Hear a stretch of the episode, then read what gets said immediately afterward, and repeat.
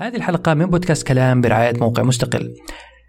الكثير منا تجيله كذا أفكار إنه أبغى أسوي موقع أبغى أسوي تطبيق بس تلاقيك ما يعني توصل لنقطة التنفيذ وإنه ما عندك الخبرة أو ما تعرف ناس يسووا لك هذه الفكرة. فتقدر تروح إلى موقع مستقل وتوظف هناك مبرمج أو مصمم عشان ينقلوا فكرتك كذا من الفكرة على الورق إلى الواقع. ومو بس كذا لو كنت تدور على ناس عندهم الخبرة في الكتابة في التسويق أو في الترجمة وعدة تخصصات أخرى فتقدر برضو تروح على موقع مستقل وتتعامل مع هؤلاء المستقلين. لذلك أنا أدعوك لزيارة مستقل على mostaql.com شكرا مستقل لرعاية بودكاست كلام. السلام عليكم ومرحبا بكم في حلقة جديدة من بودكاست كلام. البودكاست الشهري اللي نتعرف فيه على ناس رياديين في عدة مجالات. يحكوا لنا قصصهم نستفيد من خبراتهم والمواقف اللي مروا بيها. ممكن تساعدنا نبدأ مشاريع مشابهة أو تكون رفيق درب يثري لنا وقتنا بالفائدة.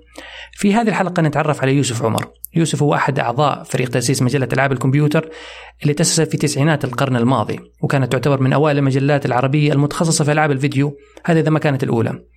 في هذه الحلقة يحكي لنا يوسف كيف تحول من شاب كان يلعب ال video games إلى كاتب تحت مظلة دار نشر وكيف كانت البداية وينقل لنا الصورة وشكل صحافة ألعاب الفيديو ال games العربية اللي كانت تخطو أولى خطواتها في ذلك الوقت. وقبل لا نبدأ ممكن بس كذا طلب بسيط إذا أنت تستمع لنا على iTunes أو نزلت البودكاست عن طريق iTunes تترك لنا كذا تقييم من نجمة إلى خمس نجوم يعني أنت وضميرك.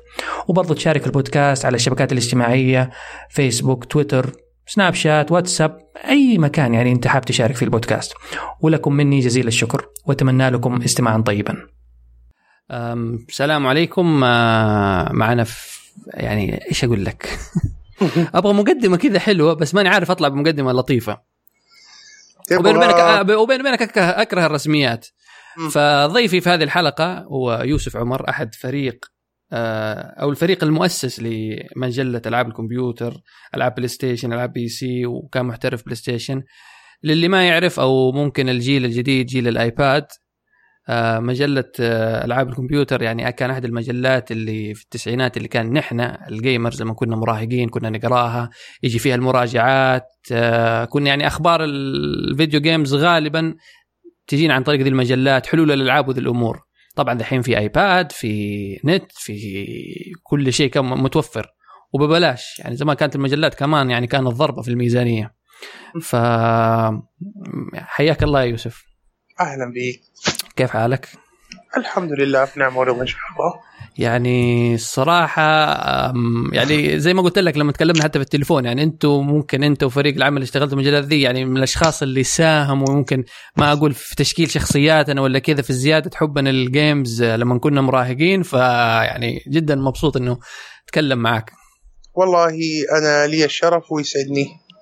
الله يخليك رب حبيبي. طب يوسف أنا في البداية قبل حتى لما نبغى نتكلم عن مجلة ألعاب الكمبيوتر آه بدايتك حتى مع موضوع إنه الفيديو جيمز آه، دخولك لهذا العالم إنه كان مثلا من البداية أنت مهتم آه، بعدين كنت مثلا تكتب مقالات تكتب مراجعات ولا هو كذا شيء يعني سبحان الله طحت عليه بالصدفة؟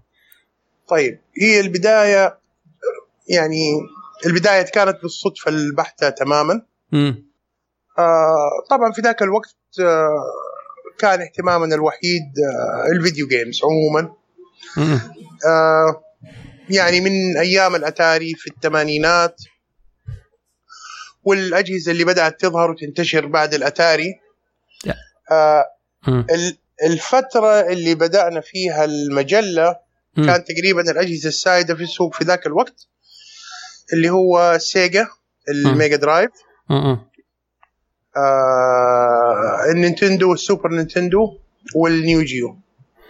طب بس أنا يعني أنت على طول تطلع أنا قصدي أبغى حتى أعرف يعني شوية عنك يعني أنت مثلا لما كنت في ال games يعني يعني كنت من ذول الأشخاص اللي دائما تشتري الأجهزة كنت تشتري مثلا بعض يعني ذيك الأيام ما كان أظن في مجلات عربية ف المجل... في. المجلات الإنجليزية فهل كنت م. من ذول اللي يشتري المجلات الإنجليزية؟ تقروا ال reviews كذا و... ولا يعني يا دوب هو أتاري وبعدين أتاري بعدين لا لا. الفاميكوم المجلات الين يعني الفترة اللي بدأت تتواجد أو تتوفر فيها المجلات كانت بدايات التسعينات ال 92 93 مم. تقريبا. في ذاك الوقت كنا نشتريها من مكتبة الخزن دار كانت آه، هي المكتبة الوحيدة اللي بتوفر الشيء ده. وأظن إلى يومك بيوفروا يعني. والله ما أدري. يعني أنا آخر عهدي بيهم يمكن من 10 15 سنة. يا الله. جدا إيوه. وكانت مشكلة أصلا كمان في ذاك الوقت المجلات ما كانت بتتوفر أول بأول. يعني نكون مثلا في شهر خمسة فرنجي الأعداد اللي بتكون واصلة جديد أعداد شهر ثلاثة وشهر اثنين. أيوه لأنه أظن يعني لسه تيجي وأظن لما تيجي على الرقابة ولا بد انه في صفحات تتقطع في صفحات إنه تتظلل بالأسود وشغلانة. أيوه. ف حتى المجلات بالنسبة لنا يعني في ذاك الوقت كانت ميزانية يعني كانت تقريبا ثلاث أربع مجلات متوسط أسعارها من ال 50 لل 100 ريال فلك أن تتخيل يعني إنها قديش كانت مرهقة. يعني حتى كنا أنا والشباب خلاص بنتقاسمها إنه والله كل واحد بيشتري مثلا مجلة وبنصورها بيننا أو بنتبادل الأعداد بيننا يعني. على أساس حكاية توفير الميزانية هذه. طيب جميل. يعني إنه متى ذي أيام المدرسة تقريبا على كذا؟ يس أيام بس. الثانوية ولا أيام الثانوية أيوه. وذيك الأيام إيش كان إيش كان يعني الجهاز اللي معك؟ أيام السوبر نينتندو لا مو السوبر مو السوبر نينتندو ورا ممكن. ال NES والفاميكوم؟ هو شوف أنا اللي كان عندي كان عندي الأتاري طبعا هذا جهاز أساسي. أكيد. آه الصخر طبعا. لابد. آه في جهاز يعني ما ظهر في السعودية أو ما نعرف بس كان أبوي رحمة الله عليه جاب لي هو من أمريكا كان اسمه Family Game okay يعني ما هو زي ما هو زي الفاميكوم العائلة؟ لا لا لا لا لا. totally آه. different مختلف تماما يعني. يعني ذا يعني ممكن شركة أمريكية حتى اللي سوته ممكن. أيوه أيوه. أوكي. إذا ماني غلطان كان Texas Instruments هي اللي عاملة الجهاز. أها بعدين في التسعينات بداية ظهور الإيش؟ اللي كان النينتندو. okay. وبعدين زي ما قلت لك السوبر نينتندو. جهاز العائلة كان باختصار تقليد للنينتندو. لا بس الألعاب. إيه أيوة. بس بس العائلة هو أصلا يعني تقليد للفاميكوم إذا ماني غلطان. يعني لو للنسخة اليابانية حتى فاكر أنت ذيك الأيام في السوق كان فيه الصقر يعني كان في أكثر من ماركة كذا عربية أيوة. آه حاطين ال sticker حقهم على الجهاز. معظم معظم العاب ترى الكمبيوتر العائلة كانت ترى ported من كمان من النينتندو امم شايف؟ عشان كذا أقول لك ممكن الغالب عليه إنه يكون نينتندو من أكثر من أي جهاز ثاني. إي يعني أنا أذكر يعني طبعا ذيك الأيام الواحد ما يعرف حتى إيش الأجهزة الأصلي من التقليد. أيوه. حتى حتى الوالد يعني ذيك الأيام جاب لنا يعني العائلة. فخلاص يعني هو جهاز العائلة اللي كان الابيض والأحمر كذا اللي, اللي يعني نسخة كذا من الفاميكوم. بس مش فاكر كان الصقر أو حاجة زي كذا. وأظن إنه هذه كان أول مرة في حياتي ان ألعب سوبر ماريو يعني وقتها ما أعرف سوبر ماريو ف ترى الفاميكوم يعتبر مو يعتبر هو أساس النينتندو. أيوه أيوه أو أصل النينتندو بمعنى ادق يعني هو هو الفاميكوم وبعدين ال NES والسوبر NES بعدين. ف طيب يعني انت يعني كويس يعني انه كخلفية انه انت أصلا يعني كنت انه gamer وتشتري الأجهزة ولك في المجلات وذي الأمور كلها. أيوه بالضبط. طيب وبعدين يعني بعد الجا... بعد المدرسة الجامعة انت تخصص لا تقول لي صحافة وإعلام ولا؟ لا لا لا لا. أنا بدايتي في المجلة كانت بعد الثانوية مباشرة. أها ما خل... ما دخلت الجامعة؟ آه لا أنا drop out في الجامعة. okay. فأنت أعتقد الجواب اللي أنت تبغاه واللي الكل أعتقد الكل يبغاه إنه كيف بدأت المجلة. يعني هي الفكرة أصلا يعني أنت أحد الفريق المؤسس بس يعني قصدي مين اللي مثلا جات في باله الفكرة؟ أصلا أنت عارف وقتها حتى ذيك الأيام السوق أيوه. أنك تنزل مجلة الألعاب ال video games في التسعينات يعني قمة الرفاهية. يعني ممكن حتى الآن إذا أنت تنزل مجلة مطبوعة الألعاب والجيل ذحين أنت عارف Fortnite وذي الكلام. آه يعني ممكن حتى حتى في وقت الحالي تعتبر رفاهية. فذيك الأيام ممكن حقول فكرة مجنونة. بالضبط. هي كانت فكرة مجنونة. الفكرة طبعا ما كانت فكرتنا. الفكرة أساسا فكرة جمال خاشقجي أها. هذه يمكن من الأشياء اللي ممكن ما حد يعرفها و... أوكي في ناس يعرفوها بس قلائل جدا بس يمكن أول مرة يطلع للببليك أو للعموم إنه الفكرة أساسا فكرة جمال خاشقجي معروف الأستاذ جمال خاشقجي هي هي معروف. أيوه. آه كان واحد صاحبنا رحمة الله عليه توفى آه اسمه مصطفى حمادة. كان صديقي في المدرسة وكان والده عنده محل ألعاب. كنا تقريبا ما أبغى أقول لك يوميا بس بصورة شبه يومية يعني. آه مو أقل مثلا من ثلاث مرات في الأسبوع بنكون موجودين عندهم في المحل. الالعاب أول بأول موجودة تحت يدنا. بنلعب. آه جمال خاشقجي كان من الناس المترددين على المحل عشان يشتري ألعاب أو أجهزة لاولاده في ذاك الوقت. أي أنا أنا انفجعت كنت أنا توقعت تقول لي إنه كان من الأشخاص اللي يترددوا عشان هو يشتري ألعاب يعني وقتها حتجنن. لا لا لا كان لأولاده. مم. آه فلما طلعت الفكرة في راسه آه جانا في يوم وقال آه، أبغاكم تمروا علي المكتب أبغاكم في موضوع. آه رحنا له مكتبه كان في الحمراء. آه طبعا بعد جلسة تعريفية في ذاك الوقت يعني إحنا ما نعرف مين جمال خاشقجي أصلا. إيه. أنت وص... آه. أنت انت ومصطفى هذا. أنا وصديقي مصطفى هذا الله يرحمه. الله يرحمه. شايف. آه عرفنا بنفسه. عرفنا بدار النشر اللي هو فيها. وقال إنه إحنا إيش بنفكر إنه نبغى نسوي مجلة آه، فيديو جيمز أو مجلة ألعاب بالعربي فهو كان زي ما تقول شايفنا وشايف الشغف اللي موجود عندنا. وكانت ال... يمكن الميزة اللي الحمد لله كانت موجودة عندنا وكانت مهمة بالنسبة له اللي هي اللغة الإنجليزية. لأنك إذا بدك تتواجد في المجال ده في ذاك الوقت 100% كل شيء كان بالإنجليزي سواء ألعاب سواء مجلات سواء أي شيء. أكيد يعني ما أنتم الوحيدين يعني أنا ما حتكلم أنا ما حكنت أقول لك إنه في ما حقول إنه المصادر العربية قليلة لأنه أظن إنها حتكون معدومة أو زيرو. ما كانت كانت صفر تماما. أي. آه بس طبعا عرض علينا الفكرة إحنا يعني إيش أقول لك آه، متحمسين. طب وأنتم فرحانين. تحمستوا؟ ما عندكم خلفية يعني؟ ما أظن إنكم آه، عندكم خلفية مثلا كتاب ولا شيء. يعني أنتم إيش كان ما دوركم كان لمن عندنا أي خلفية. ولا أوكي. يعني ولا أنتم عارفين بس اللهم إنكم فرحانين حتسووا مجلة في ال- في الألعاب. بالضبط. أيوه. كيف؟ في ذاك الوقت لسه الله أعلم كيف كان حيصير الشيء ده ما إحنا عارفين. امم آه طبعا طلع لنا صندوق. أيوه. الصندوق هذا كان فيه ما لا يقل عن ال 200 300 مجلة. okay. مجلات طبعا في منها اللي كنا نعرفها في ذاك الوقت اللي كانت بتيجي في السعودية وطل ومجلات أخرى من كل أنحاء العالم يا رجل يعني مجلات ألعاب مجلات ألعاب ولا حتى سمعنا بيها يعني غ... والله الصراحة يعني غريبة يعني مع إنه هو ما هو ممكن له في الجيمز وذي الحاجات بس يمكن عشان هو كصحفي ومجال النشر وذي الأمور يعني بالضبط. شاف إنه هذا السوق آه، يعني له أيوه. فأنت لك إنك تتخيل اثنين في ذاك الوقت أعمارهم 18 19 سنة. آه تطلع لهم صندوق مليان مجلات. في بالنسبة لنا يعني الصندوق ده كان فيه ما لا يقل عن ما قيمته 5 6000 ريال مجلات. طيب. هذا كنز أصلا يعني تتخيل كنز. إنك تدور وتت... يعني أنا يعني نفس الشعور إنه مثلا تشوف المجلة تتقلب في الصور تشوف حتى الموضوع الإخراج حتى يعني المجلات كان ذيك الأيام تشوف إنه كيف طبعوا الصفحات كيف كيف يعني تتلذذ في المجلة كذا. مو زي هذه الأيام. بالضبط. فهذا كان كنز. طبعا قال لنا خلاص روحوا فكروا في الموضوع وخذوا الصندوق هذا معاكم. أوكي.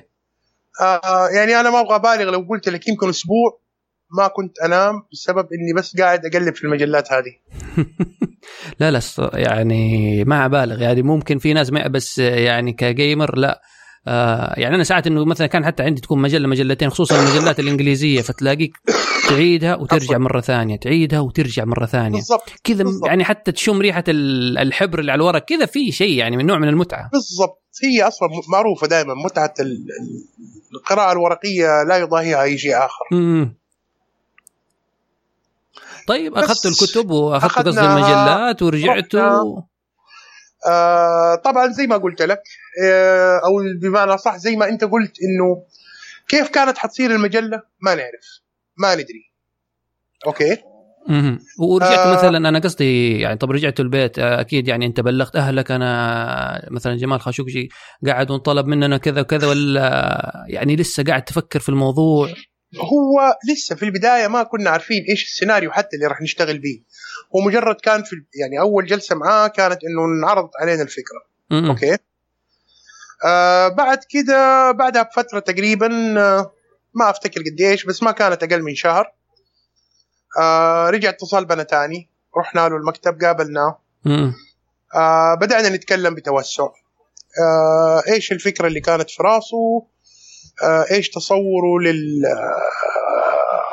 هو يعني هو يعني لو لو تتذكر حتى يعني هو إيش كان التصور يعني إيش الشيء حتى ما أدري هل تكلم هو إيش الشيء اللي خلاه يفكر أصلا يسوي مجلة زي كذا؟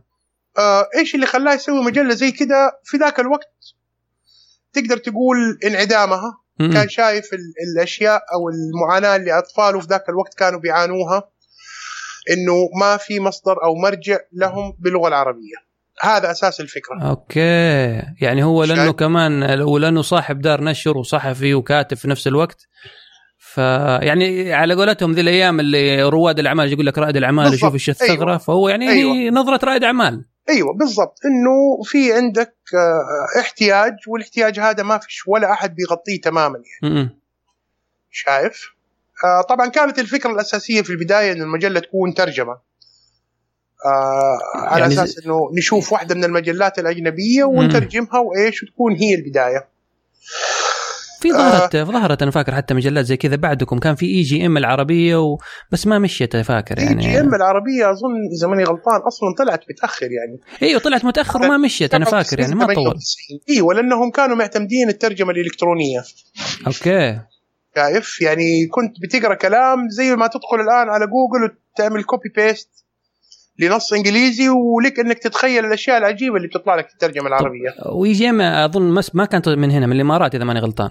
من الإمارات إيه إحنا إيه. كنا تقريبا المجلة الوحيدة اللي بتصدر من السعودية. م-م. ظهرت مجلات بعدنا من الإمارات من لبنان من مصر من الأردن. بس إحنا كنا تقريبا الوحيدين اللي من السعودية وأول ناس. م-م. أنا حقيقة ما أعرف يعني ما أعرف غيركم يعني ما أقلل من الثانيين. بس يعني مو بحكم إني كنت عايش هنا. ف يعني ما أعرف مجلات آه إنه ألعاب صدرت من في دول ثانية أو إنها ما كانت توصل هنا وما كانت تتوزع هنا يمكن. لا لا كانت تيجي بس بأعداد محدودة و... وما كانت متوفرة في كل مكان. فيمكن هذا السبب اللي خلى حتى كثير إنهم ما يدروا عنها.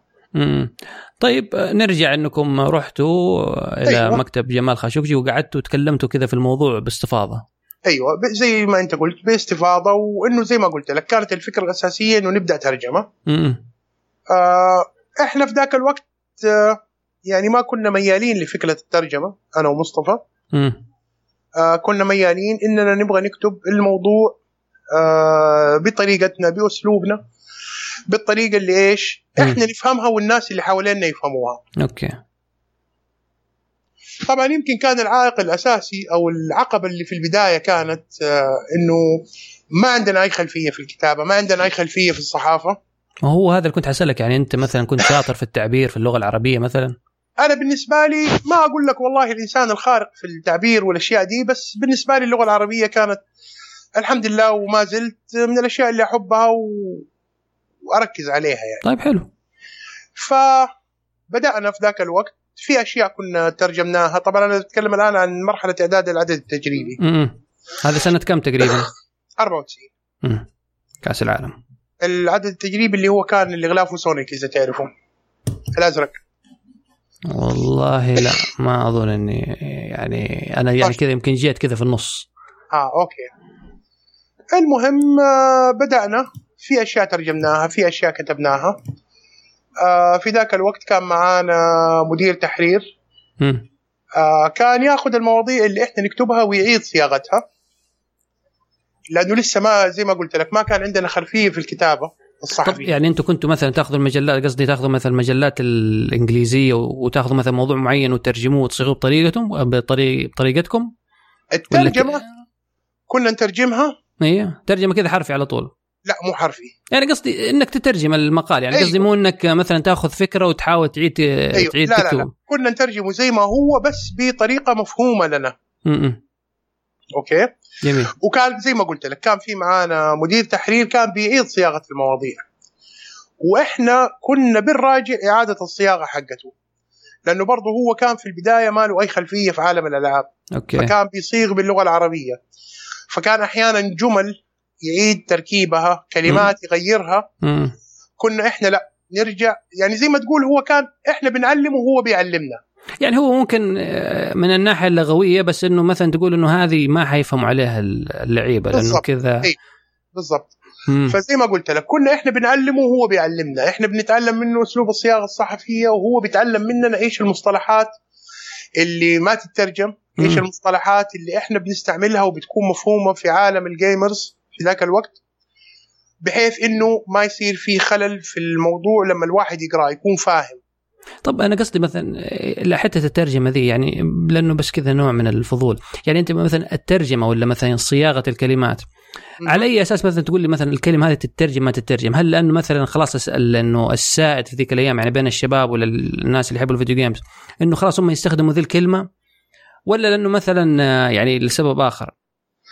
OK خليني أعطيك مثال بسيط من هو. الأشياء اللي في البداية كنا مرينا بيها OK؟ امم آه ال joystick. OK. كانت واحدة من الكلمات اللي شو اسمه؟ اللي هل نترجمها أو ما نترجمها؟ هل نعربها أو نخليها زي ما هي joystick؟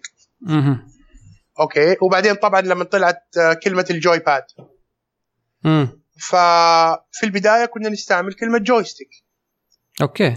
OK لأنه لو ترجمتها أوكي في ذاك الوقت يعني الآن يمكن الكلمة اللي الكل مثلا عصا بيستعملها عصا التحكم. أيوه في ذاك الوقت لو قلت عصا التحكم ما حد راح كان يفهم الكلمة أو ما حد كان حيستوعبها. في بعدين في مرحلة لاحقة تحولت كلمة joystick لكلمة عصا التحكم أو يد التحكم. بس في البداية كنا قررنا إن نستعمل كلمة joystick لأنه هذه الكلمة اللي الكل بيتداولها واللي الكل عارفها.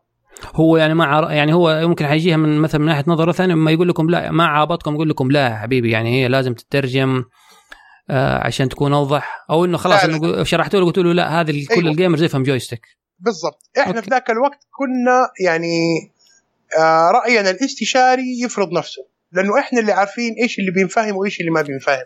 والمحرر ذا يعني يعني كان في ذاك الوقت يعني رجل كبير مثلا 30 40 سنة ولا آه تقريبا في ذاك الوقت كان في الأربعينات الرجل. يعني أنا بس متخيل إنه ما كذا كذا يعني نوع كذا من صراع الأجيال إنه رجال كبير يقول لك يا أخي لا أنا أنا خبرة وأنتم يعني لسه خريجين ثانوي. بالعكس بالعكس يعني الرجل يعني أنا أنا يعني الرجل هذا من الناس اللي أنا أعتبرهم أساتذتي في عالم الصحافة. جميل. هو أصلا كان آه، ماسك آه، القسم الثقافي في جريدة الحياة في السعودية. ما شاء الله. والرجل أديب وشاعر. له دواوينه وله رواياته وله قصصه فالرجل يعتبر مدرسة. فإحنا كنا بنتعلم منه بس في نفس الوقت الرجل متفهم وعارف إنه في أشياء لازم تمشي بالطريقة اللي إحنا نقولها على أساس إيش؟ تسهل حياة الكل سواء إحنا أو حياة القراء. أوكي. فزي ما قلت لك المرحلة تقريبا أول سنة اللي هي لين ما طلع فيها العدد التجريبي كانت مرحلة الكل بيتعلم فيها من الكل يعني طيب وأنت يعني أنت ومصطفى شغالين وهذا الشخص ولا في معاكم أشخاص ثانيين بعدين؟ في, في, في العدد التجريبي في العدد التجريبي في العدد التجريبي في البداية كنا إحنا الثلاثة فقط ما في معنا أحد طيب وكم قعدتوا تشتغلوا عليه تقريبا؟ آه، تقريبا سنة الله يس كم مقالة قعدتوا تترجموا على كذا؟ والله ما أدري بس كثير. لا هو يعني بس يعني كلها نزلت في هذا العدد التجريبي ولا؟ لا لا لا يعني اللي اشتغلنا عليه سواء مواضيع مكتوبة أو مترجمة آه، كانت تقريبا مو أقل من 80 أو 100 أو يمكن حتى أكثر من 100 آه. موضوع. بس في النهاية اللي اتنشر ما أعتقد إنه كان يتجاوز العشرة مواضيع تماما. مم. طب وتصميم الأغلفة لأنه أنت شايفك مثلا في ال في ال في ال في التويتر حاط إنك آه، يعني في أحد الأغلفة اللي أنت صممتها حق المجلة. بس ذيك الأيام يعني أنت برضه كنت تشتغل تصميم ولا ها؟ لا. ولا يعني حد ثاني اللي صمم الغلاف؟ لا لا. اللي كان شغال معانا مخرج في ذاك الوقت وهو اللي اشتغل المجلة العدد التجريبي كامل من الألف إلى الياء. أنا دخولي للتصميم في المجلة كان بالصدفة البحتة. يعني أنا في البداية زي ما قلت لك كنت محرر. دخولي لتصميم المجلة كان بالصدفة. البحته المحرر أو المخرج اللي كان شغال معانا آه، ما قدر يستمر استقال. وبعد المرحلة حقت العدد التجريبي اللي كنا بنجهز فيها العدد الأول م. آه كنت أنا شغال بخلفيتي في التصميم. آه إنه مجرد إنه نبغى حاجة مرئية نشوفها نعدل عليها كيف تصورنا لشكل الصفحة والأشياء اللي زي كذا ف لما جاء موعد صدور العدد الأول كنت تقريبا منفذ آه، يمكن 80% من المجلة طيب آه، بس يعني يعني ذيك الأيام يعني قصدي لما كنتوا شغالين في عدد التجريب أنت كنت تتعلم منه موضوع التصميم وذي الأمور صح؟ آه تقدر تقول مو إنه أتعلم بس خلينا نقول إنه بأصقل لقد... معرفتي في التصميم OK يعني أنت يعني أصلا أنت already عندك آه، يعني درو يعني تعلمت كذا تصميم كان لك يعني تجارب كذا على الفوتوشوب أيوة. الأمور قصدك؟ أيوه كان عندي خلفية. مم. الخلفية هذه تحسنت في الفترة اللي اشتغلت فيها على تصميم المجلة. طيب يعني أنت العدد الأول أو العدد صفر العدد التجريبي خلص في 94 yes نزلته أيوة. السوق ولا؟ لا ما نزل السوق. كان توزع بس مجانا. للمعارف و... للاصدقاء للناس المهتمين آه، زي كذا. وكيف يعني كان ردة الفعل؟ رائعة أكثر من رائعة. يعني طبعا كان... يعني انت أنت قدام أصحابك حيكون البطل يعني. هو أكيد إيوه. إنه شوفوني أنا, أنا شغال في مجلة. أكيد أكيد جدا يعني. هذا الشيء أنا ما أنكر إنه في الفترة حقتنا فترة التسعينات آه، أنا كان أنا أو أي واحد من الشباب اللي كنا شغالين في المجلة. كنا زينا زي مشاهير ال social media الآن. اللهم إنه في النطاق حقنا صحيح حق ال gamer. طيب بس آه، هذا العدد هذا العدد يعني التجريبي وزعتوه ولاقى شو اسمه يعني قبول الآخرين. آه، برضه أظن يعني جمال خاشوقجي برضه يعني ما دام شاف ردة الفعل كويسة قرر يستمر. واشتغ... واشتغلتوا في العدد الأول. أيوه. طيب دحين دخلنا في العدد الأول. بدا الفريق يكبر آه هل مثلا موضوع مثلا الحين جاتكم ضغوطات إنه OK بس لازم العدد مثلا يد... يعني كنتم مثلا قريبين من موضوع ال business إنه لازم ندخل مثلا مبلغ معين أو نوصل لأرقام توزيع معينة؟ إحنا في البداية ما مو حتى في البداية يعني أنا إلين آخر أيامي أنا كان آخر شيء ممكن أفكر فيه أو يهمني والله موضوع آه، الدخل والأشياء دي لأنه هذا مو دوري. OK؟ طبعا آه، جمال خاشقجي كان معاه شريك في ذاك الوقت آه، الأستاذ بهاء أبو غزالة. م. اللي هو هم الاثنين كانوا شركاء في المجلة. آه، دار النشر ما أدري زي بتشوف اسمها في المجلة كان اسمها الشبكة العربية للنشر أيه. والتوزيع. فزي ما قلت لك إحنا ما كان لنا أي علاقة في شو اسمه في في موضوع البيع وأرقام يعني والبيع والأشياء هذه كلها. طبعا إحنا يهمنا OK التوزيع. يعني لما العدد ما بيوزع مثلا مضبوط أوكي كن كان بيصير اجتماع إنه ليش والله هذا العدد ما كان التوزيع حقه كويس آه ونحاول قدر الإمكان نعرف أسباب إنه ما م. كان في توزيع كويس بس يمكن عدد واحد فقط اللي كان التوزيع حقه سيء جدا م. وكان السبب تقريبا فيها الغلاف إيش إيش إيش كان يعني لو تقدر تذكر لنا القصة؟ الغلاف كان حق Resident Evil OK. إذا تفتكروا الغلاف اللي الله يكرمك عليه الكلب. فاكره في الركن صح؟ في يعني أيوه. في في الجنب كذا على تحت. أيوه. هذا كان أسوأ عدد في التوزيع والسبب كان الغلاف.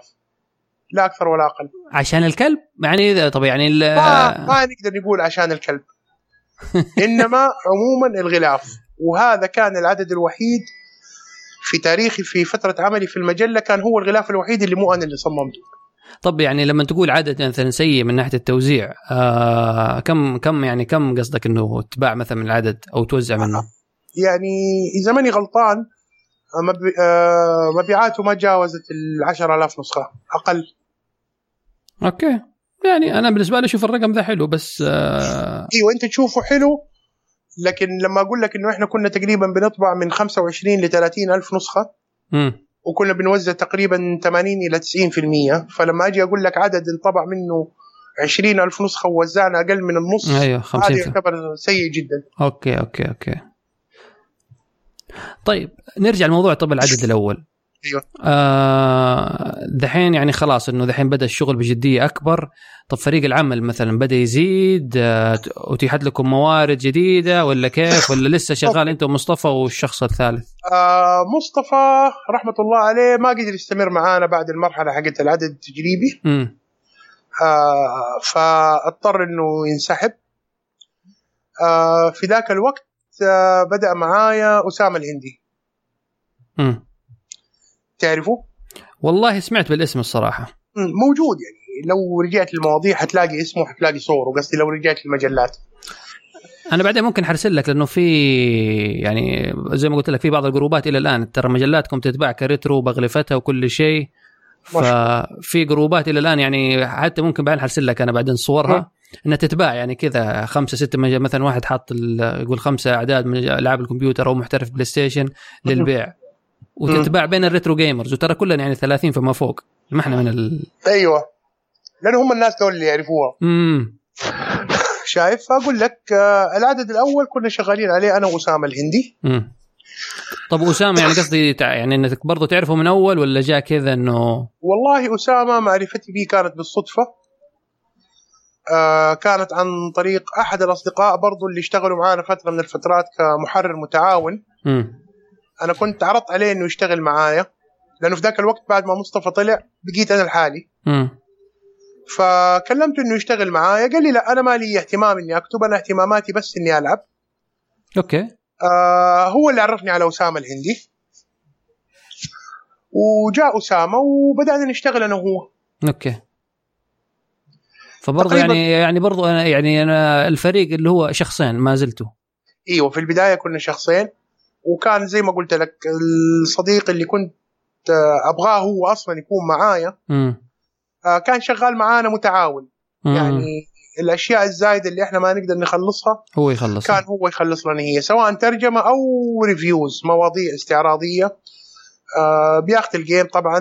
إذا ما كان عنده مثلا أو عارفه بيكون آه، من الألعاب اللي بتوصلنا من الشركات بياخذها بيلعب اللعبة بيتعرف عليها وبيكتب عنها ريفيو جميل. أنا قصدي طب مثلا آه أنتم كل عدد مثلا آه يعني أنت الحين جبت سيرة شركات. أنا صديق الأيام مش متخيل إنه حتى الشركات ترسل لسه إنه نسخ review يعني خصوصا إنه هنا في السعودية.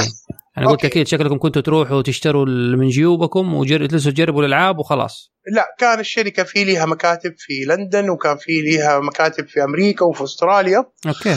فكانت مكاتب الشركة هي اللي بتتولى التواصل مع شركات الإنتاج ويوفرون لنا الألعاب والأجهزة. أها. اللي ما بتكون موجودة في السعودية. جميل يعني أنا كنت أنا في البداية لأنه خلاص يعني نظرتي ما كانت ما يعني لأني ما عارف إيش التفاصيل. أيوه. قلت لا أكيد شكله من الشباب كل الشغل هنا في السعودية روح اشتري أنت من جيبك ومصاريف. لا، يعني يعني ذيك ذيك الأيام إنه الشيء يعني بحكم يعني دار النشر قصدي اللي أنتم شغالين معاها إنه ليها مكاتبها. أيوه. فهذا كانت الشركة الوحيدة اللي موجودة في السعودية وليها ممثل رسمي في ذاك الوقت كانت نيو جيو إس إن كي. أيوه. كان غريبة. الوكلاء العيسائي إذا ما غلطان؟ لا لا لا. الناغم لا آه كان آه اسمه والله يذكره بالخير عبد الرحمن الحقباني ألعاب هالي. كان معرضهم في مركز البساتين. كانوا هم الشركة الوحيدة اللي متواجدين رسميا في السعودية. كانت مم. أول ما توصلهم أي ألعاب جديدة أو أي شيء يرسلوا لنا نسخ على أساس إيش؟ آه نكتب عنها أمم. الباقي كنا إما إنه يكون متوفر في السوق بنجيبه أو إذا مش موجود في السوق آه زي ما قلت لك عن طريق مكاتب الشركة كانت بتوصلنا الألعاب هذه. جميل. أنا يعني هذه أول شيء معلومة جديدة علي بالنسبة لي. مم. أنا قلت أنا توقعتكم يعني كنتكم تعانوا.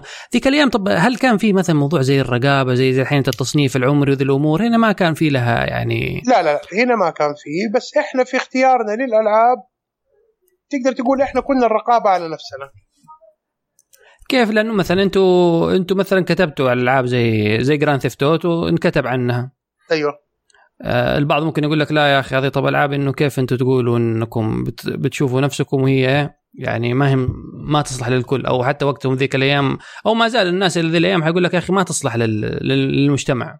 okay في نقطة مهمة بدك تحطها في بالك. في ذاك. الوقت كان ال community حق ال gamers على كبره لكن برضه محدود جدا. Okay؟ م-م. وكانوا الناس فاهمين مش زي الآن. سواء من ناحية ال gamers نفسهم أو حتى أولياء الأمور. يعني زمان. أيوه. يعني الحين مو فاهمين؟ الآن بكل أمانة اللي أنا قاعد بشوفه على تويتر لما يجيك واحد بيقول لك ابني بيلعب اكتشفت إنه بيلعب لعبة بتحثه على السرقة وهو بيتكلم عن Grand Theft Auto هذه ترى مو مشكلة ابنك هذه مشكلتك أنت إنك ما أنت عارف تسوي رقابة على ابنك. لا فهذا أتفق معك. يعني في لا في مبالغات. يعني دائما اللي نشوفه أيوة. زي قصة الحوت الأزرق اللي مؤخرا اللي صارت. موضة. بالضبط. هذه الأشياء على أيامنا كلها ما كانت موجودة. لا أو ممكن لأنها ما كانت قضية لأن ما كانت تناقش في الإعلام. يعني ما حد يعني ما حد منتبه لها ولا يعني نفسنا نحن كجيمرز عاملين رقابة على نفسنا. سليم. لكن أنا هنا أوضح لك نقطة يمكن أنت ما كنت حضرتها أو ما عشتها أنا عشتها. امم يعني قلت لك صاحبنا مصطفى رحمة الله عليه اللي كان والده عنده محل الألعاب كان آه، شو اسمه؟ آه لا إله إلا الله محمد رسول الله. لحظة. أيوه. آه كان شو اسمه؟ كان بيشوف الناس لما بيجوا يشتروا ألعاب لأطفالهم الأب أو الأم بيسأل هل اللعبة دي تصلح لابني؟ أوكي. عمره 10 سنين مم. عمره 8 سنين عمره 12 سنة عمره 15 سنة هذه الأسئلة كانت باستمرار بتنسأل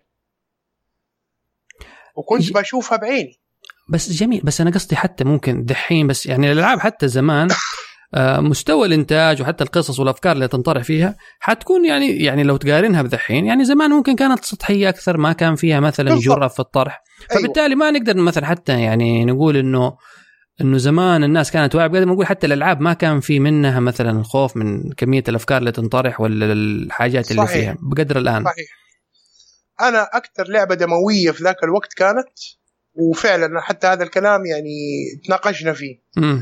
وكان من الأشياء اللي قعدنا فكرنا فيها إنه هل نحط عنها موضوع أو لا. كانت Samurai Shodown حقت النيو ما أدري أنا ليه صنفتوها دموية يعني أنا الحين جالس أتخيلها كذا في ليش صنفناها دموية؟ لأنه كانت اللعبة الوحيدة اللي فيها يظهر الدم بلونه احمر إيه. وإحنا حتى ذيك الأيام لما سوينا review حقها ما استعملنا النسخة اليابانية استعملنا النسخة الأمريكية اللي بيطلع فيها الدم أخضر. إيه في Mortal Kombat طيب. آه Mortal Kombat جات متأخر. امم جات متأخر وفي نفس الوقت برضو زي ما قلت لك آه لعبت النسخة الأمريكية لعبت النسخة اللي يمكن حق السوبر نينتندو اللي دمك أخضر. كلها كلها لعبتها. لأنه لا أنا فاكر حق الميجا درايف ما فيها يعني فيها الدم الأحمر. أه والله ما أفتكر بالضبط. بس كأداء الأداء حق السوبر نينتندو كانت أفضل. م. بس إنه زي ما قلت لك حتى لما نزلت لعبة Mortal Kombat كانوا الأهالي لما بيشتروا الألعاب بيركزوا على كلمة هل تصلح لابني أو ما تصلح. okay؟ جميل. وكنا بنقول إنه هذه مثلا تصلح للفئة العمرية من كذا لكذا وهذه تصلح من كذا لكذا.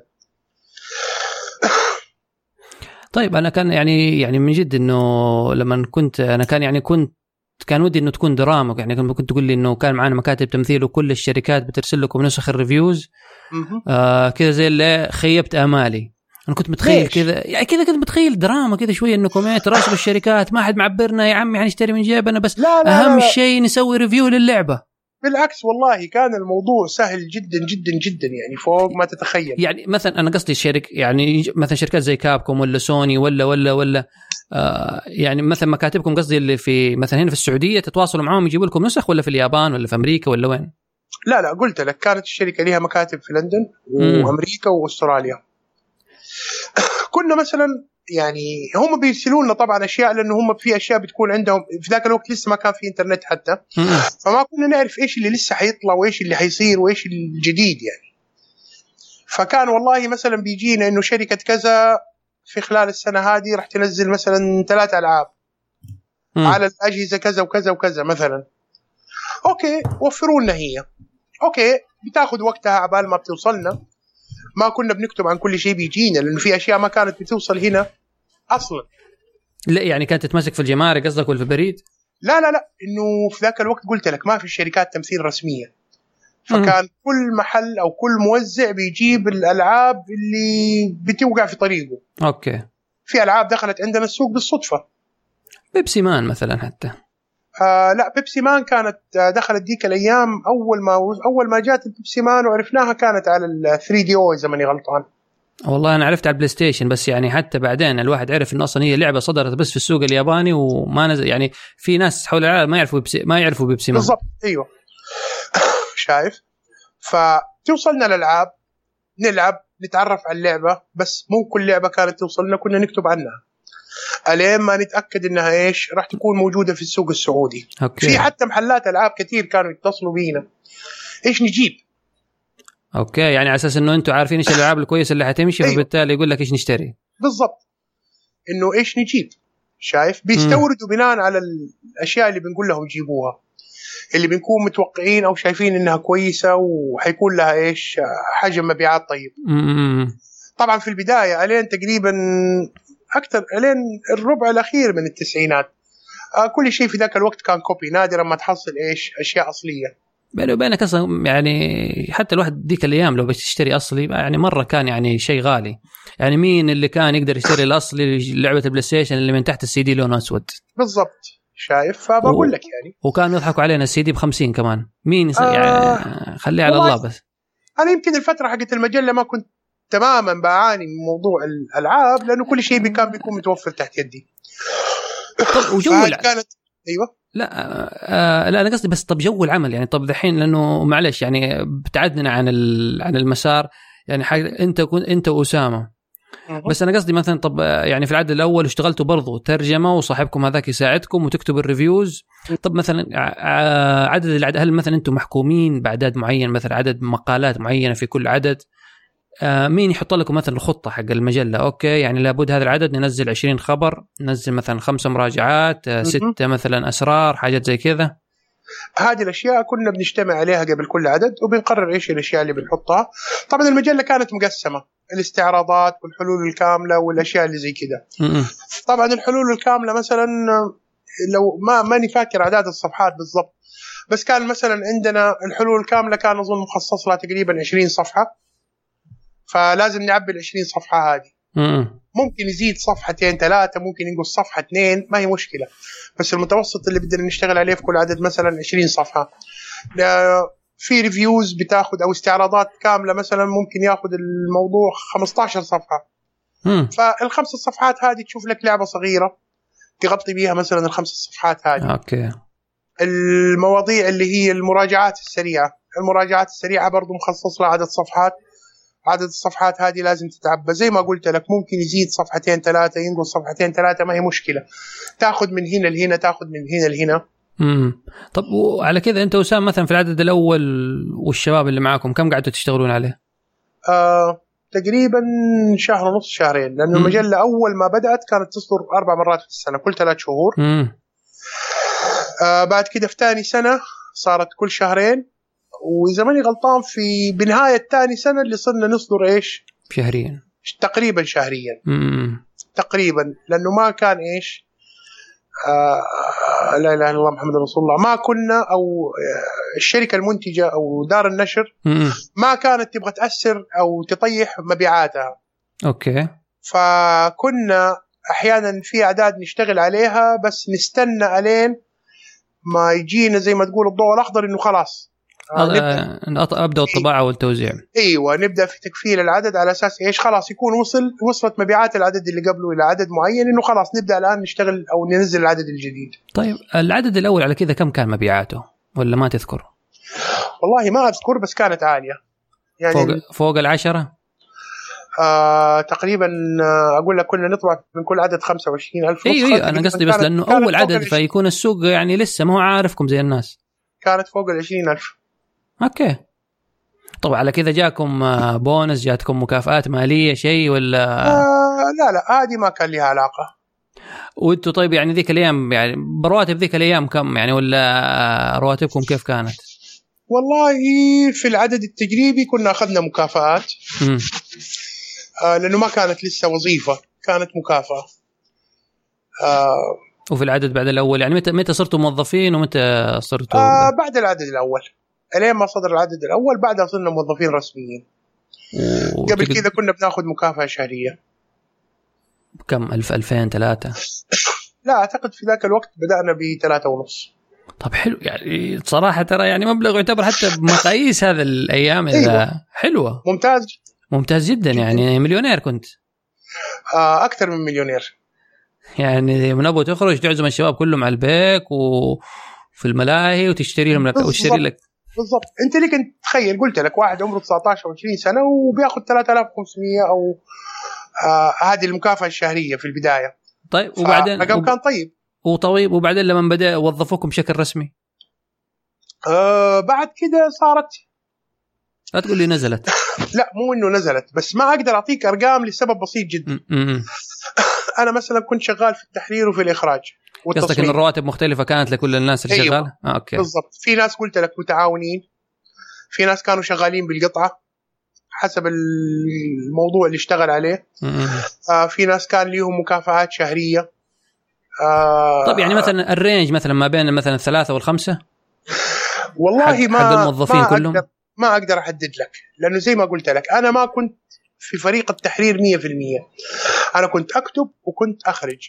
وتصمم أيوه تخرج قصدك أيوة. يعني تصمم الإخراج آه بقصدك الغلاف أيوه فأنا كنت كنت أنا كان تقريبا وضعي مختلف عنهم.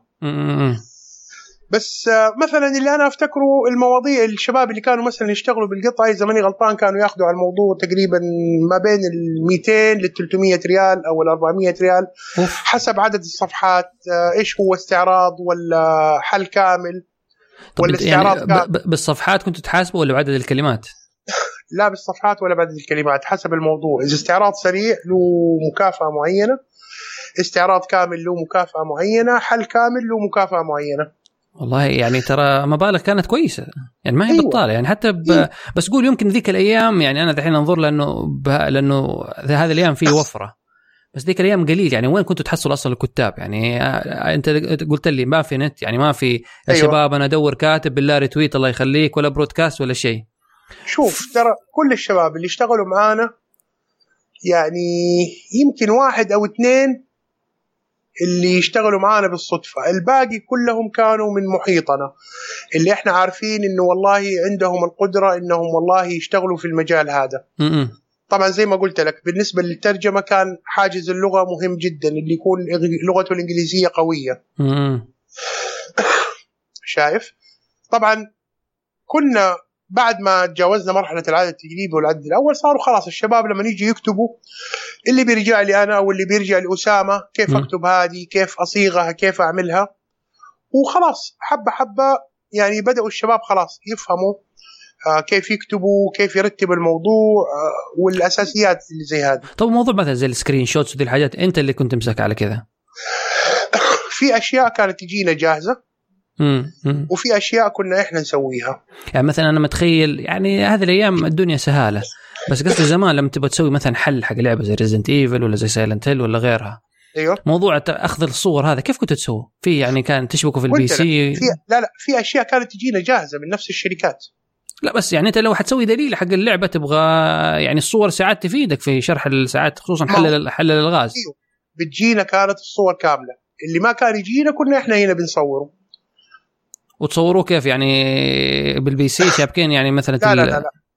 آه لا كنا بنستعمل أجهزة يعني ما هو أجهزة عادية لا كنا بنستعمل أجهزة professional اللي هو اسمه إيش؟ ال card card التارجا إذا تعرفه. لا والله. هذا card حق video production كنا بنوصل الألعاب على جهاز تارجا وبنسجل اللعبة. وبعد كده بناخذ منها الصور اللي إحنا نبغاها. مم. عشان كنا محتاجينها تكون ب high quality okay. يعني المسألة ما كانت إنه تصوير عادي. أصلا حتى ال quality حقت آه لأنه لاحظ نقطة مهمة. إحنا في البداية ما كنا في في الألعاب ال PC كنا بنتكلم على ال video game سواء سيجا أو نيو جيو أو نينتندو أو أي حاجة من هذول. ما كانت تتوصل على ال PC في ذاك الوقت. فكنا لازم نوصلها على كروت فيديو احترافية مم. ونسجل اللعبة ومنها ناخذ الصور اللي إحنا نبغاها. جميل. لأنه يعني اي بس أنا هذا جل في بالي يعني بس تخيلت إنه لأنه بعضهم مثلا ما, ما يكون عندهم الأدوات وممكن كذا يأخذها بكاميرا بس بطريقة معينة أو شيء يعني شغلانات اللي هي مرة متعبة. طبعا عندك الرسوم والصور حقت الألعاب اللي هي اللي بتصدر اللي بتسويها الشركات. هذه كانت بتوصلنا كلها high resolution على طبعا في البداية كانت توصلنا على آه، اللي هي الديسكات ال optical وبعدين لما طلعت ال CDs صارت توصلنا على سيديات. ديسكات قصدك اللي هي زي ال floppy؟ مو مو ال optical لا لا مو زي ال floppy optical ال optical disks في ذاك الوقت آه زي إيش؟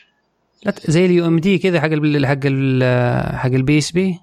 optical يعني أنا أنا الصراحة نطيت من ال floppy لل CD. لا كان في مرحلة ال optical disks يعني حيكون زي ال floppy بس جوته سي دي حاجة؟ لا مو floppy كان زي السي دي تقريبا بس آه، تقنية مختلفة عن السي دي اللي هي ما يعني ما بس سوي save انت okay هذه مو مشكلة حندور عليها. optical disks okay okay. okay. آه كانت توصلنا على optical disks الأقراص ال optical كانت ساعاتها تتراوح من ال 300 إلى ال 500 600 ميجا. كانت توصلنا الصور ال high quality على ديسكات زي هذه. بناخذها بنقصها بنركبها في الإخراج آه، بنطبع منها أحيانا بوسترات. okay أيوه أيوه ما أنا فاكر البوسترات يعني لا يعني كل فترة وفترة. أيوه. هذه كانت لا هذه كانت توصلنا من الشركات المنتجة مباشرة. طبعا على كذا يعني فريق العمل عندكم وصل كم؟ يعني ولا خلال كم مثلا بنيتوا فريق عمل كبير؟ والله أنا أنا, أنا أتكلم كموظفين غير مثلا أيوة. إنه اللي تتعاون معاهم مثلا يعني أكبر عدد الموظفين وصل كم في اللي عندكم في المجلة؟ آه في مرحلة من المراحل وصل تقريبا 15 إلى 20 شخص. ما بين مثلا ناس مراجعات وناس تلعب وذا. بس أنا متخيل أيوة. الجو عندكم كذا فرايح من أبو تدخل عليكم ندخل عليكم المكاتب كل واحد ماسك يد لا ماسكين أجهزة وتلعبوا. آه والله إلى حد ما ما كان كذا. بالعكس. يعني أجل يعني لو تعيشنا بس الجو يعني ذيك الأيام مش يعني أنا متخيل إنه حدخل مجلة تتكلم عن ال video games فالناس قاعدة ماسكة اليدات أيوة. حق ال PlayStation الشيء هذا الشيء هذا كان حاصل وموجود م. لكن انت ما حتقعد ما حتقعد تلعب 24 ساعة وطول فترة تواجدك في المكتب. بدك تكتب مواضيعك بدك تكتب استعراضاتك. أوكي اللي بيكون مثلا شغال على استعراض لعبة معينة بتلاقيه قاعد جنب التلفزيون قدامه الجهاز بيشغل بيوقف بيكتب ملاحظاته. بعد كده بيشيل ملاحظاته وأوراقه هذه وبيقعد على مكتبه. ويقعد يكتب. لكن الجو العام كان زي ما أنت قلت كان جو منعش. خصوصا أنكم كلكم تعرفوا بعض فبالتالي يعني آه يعني خلاص إنه ما في حواجز أظن. بالضبط. ولا في يعني إنه على قولتهم ال politics انكم كذا في المكاتب هذا مع ذا تحزبات ولا شيء كلكم شباب لا مع بعض. لا لا لا, لا بالضبط هو زي ما أنت قلت. طيب على كذا لأنه يعني لما كنت بتكلم عن التمثيل طب يعني وقت التمثيل المحلي طب للشركات ما أظن إنه كان في. يعني أنتم آه اللي فهمته أغلب شغلكم قلت لي يعني غير ألعاب هالي أيوه. اللي كان حق نيو جيو. غيره مثلا أغلب حاجاتكم كانت تيجي عن طريق مكاتبكم الخارجية.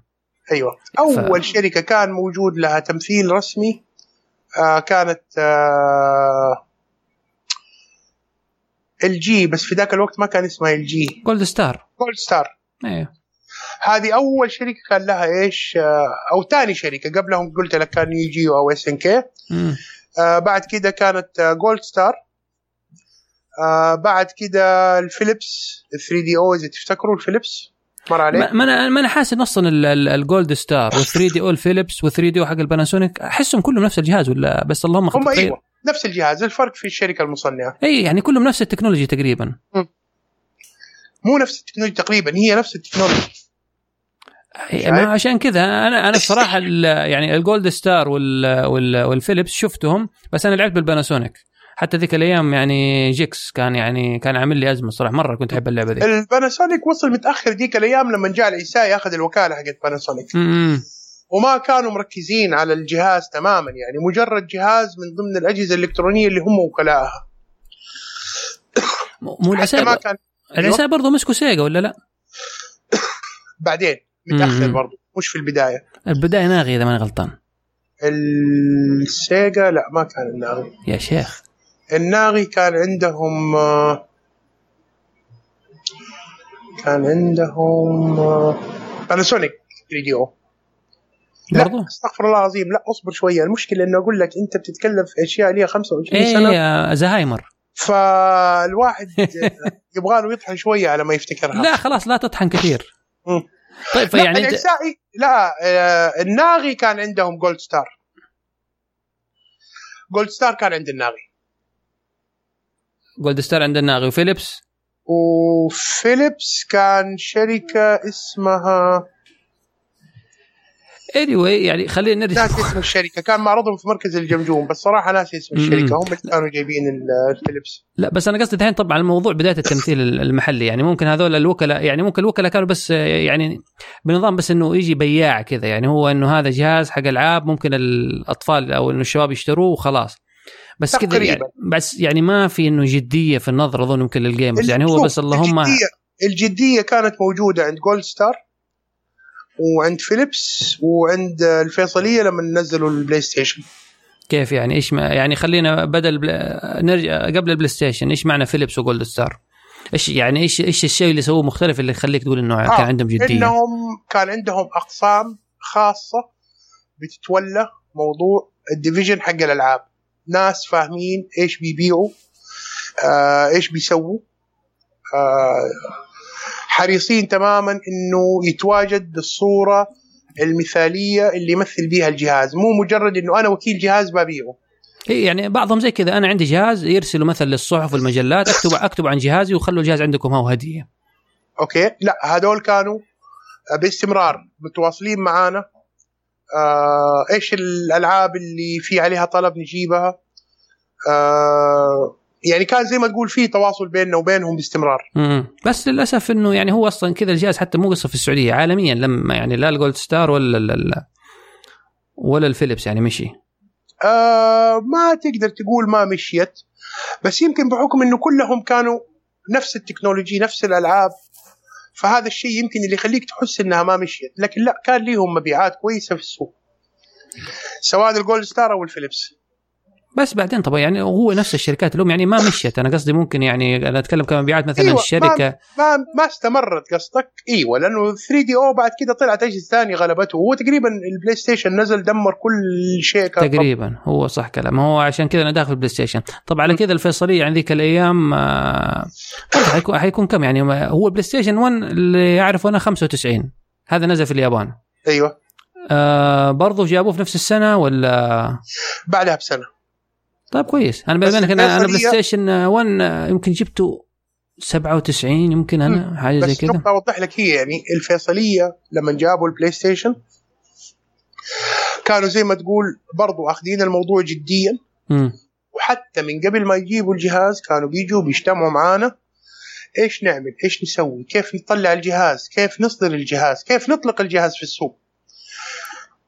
أوكي طب يعني كويس إنهم يعني بالعكس يعني في عندهم بعد نظر بحكم إنه أنتم يعني أيوة. ال... الوحيدين اللي في السوق اللي يعني في هذا المجال وبرضه في نفس الوقت يعني الفئة المستهدفة. بالضبط. وحتى الفيصلية كانوا في ذاك الوقت من اهتمامهم بالجهاز ال PlayStation. الشخص اللي كان مسؤول عن قسم ال PlayStation كان ماسك ال PlayStation في السوق حق شبه القارة الهندية. أوكي. يعني ما جابوا ما جابوا أي أحد مجرد إنه يمسك جهاز ويبيعه لا جابوا واحد فاهم في ال video games عنده خلفية مسبقا عن الأشياء هذه كلها وجابوه ومسكوه ال division هذا أو القسم هذا. أنا ما تخيل أنا ما تخيلت هذا الشيء. يعني أو ممكن يعني ما يعني ما كانت ملحوظة بس يعني هو ال PlayStation كذا يعني سبحان يعني مشي. آه أنا مش لو عارف. ما كان يعني بعد الله لو ما ربنا سبب الأسباب إنه كان الوكيل مهتم بالشيء ده وكان في عنده فكر إنه والله الجهاز ده حيسوي مبيعات ممكن أقول لك ما كان مشي بالشكل اللي طب ما كان مثلا يشتكوا؟ يعني عليه. يعني أنا وأنت عارفين إنه أصلا ذيك الأيام القرصنة وال copy شغال على ودنه. أيوه. بس يعني ال PlayStation أو... لاحظ في البداية ما كان في منه copy. ال copy حق ال PlayStation ما ظهر لين ثاني سنة. إي أيوه بس أنا قصدي يعني ما هو لما بدأ ال copy أحس إنه آه ماني عارف ممكن أكون غلطان بس أنا أحس إنه ال copy كان له دور حتى كبير في انتشار ال PlayStation يعني حتى ذيك الأيام آه ما إيدك في النقطه هذه كانت مبيعات ال PlayStation عالية من قبل ال copy سواء اجهزه أو العاب والله الصراحة أنا ما عندي أقول لك الأرقام اللي تثبت يعني بس اللهم إنه كذا بس مجرد إنه ملاحظة بس. هو حتى أنا ما عندي أرقام لكن كنت شايف سواء من المحلات اللي كنا بنتعامل معاهم الكل كانت مبيعات ال PlayStation عنده عالية. هي بس أنا الفكرة عشان إنه ذيك الأيام الألعاب أصلا كانت غالية فيعني ما في يعني الأهل اللي حيجي يشتري مثلا ولده لعبه كل فترة ب 150 200 150 فين 200 كانت بال 300 ولا 400 أيوة ريال. اي أنا فاكر. ف يعني أقول لك يعني كان أسعارها غالية. ف فيها مبيعات. والله ما أقول لك يعني أنا أنا كنت على قد حالي أنا شغال الصراحة يعني ما حكذب ولا حاجة أقول لك شغال ذيك الأيام على ال copy. يا دوب. طيب هذا كويس. إنه إحنا كنا نشتري ألعاب ال Neo Geo ب 700 و800 وفي ألعاب كانت ب 1000 و1200 ريال. وهذا الكلام في بداية التسعينات كمان مش في آخر التسعينات وقت ما نزل ال PlayStation. يعني ال PlayStation مقارنة بال Neo Geo يعتبر رخيص. إي إيوه.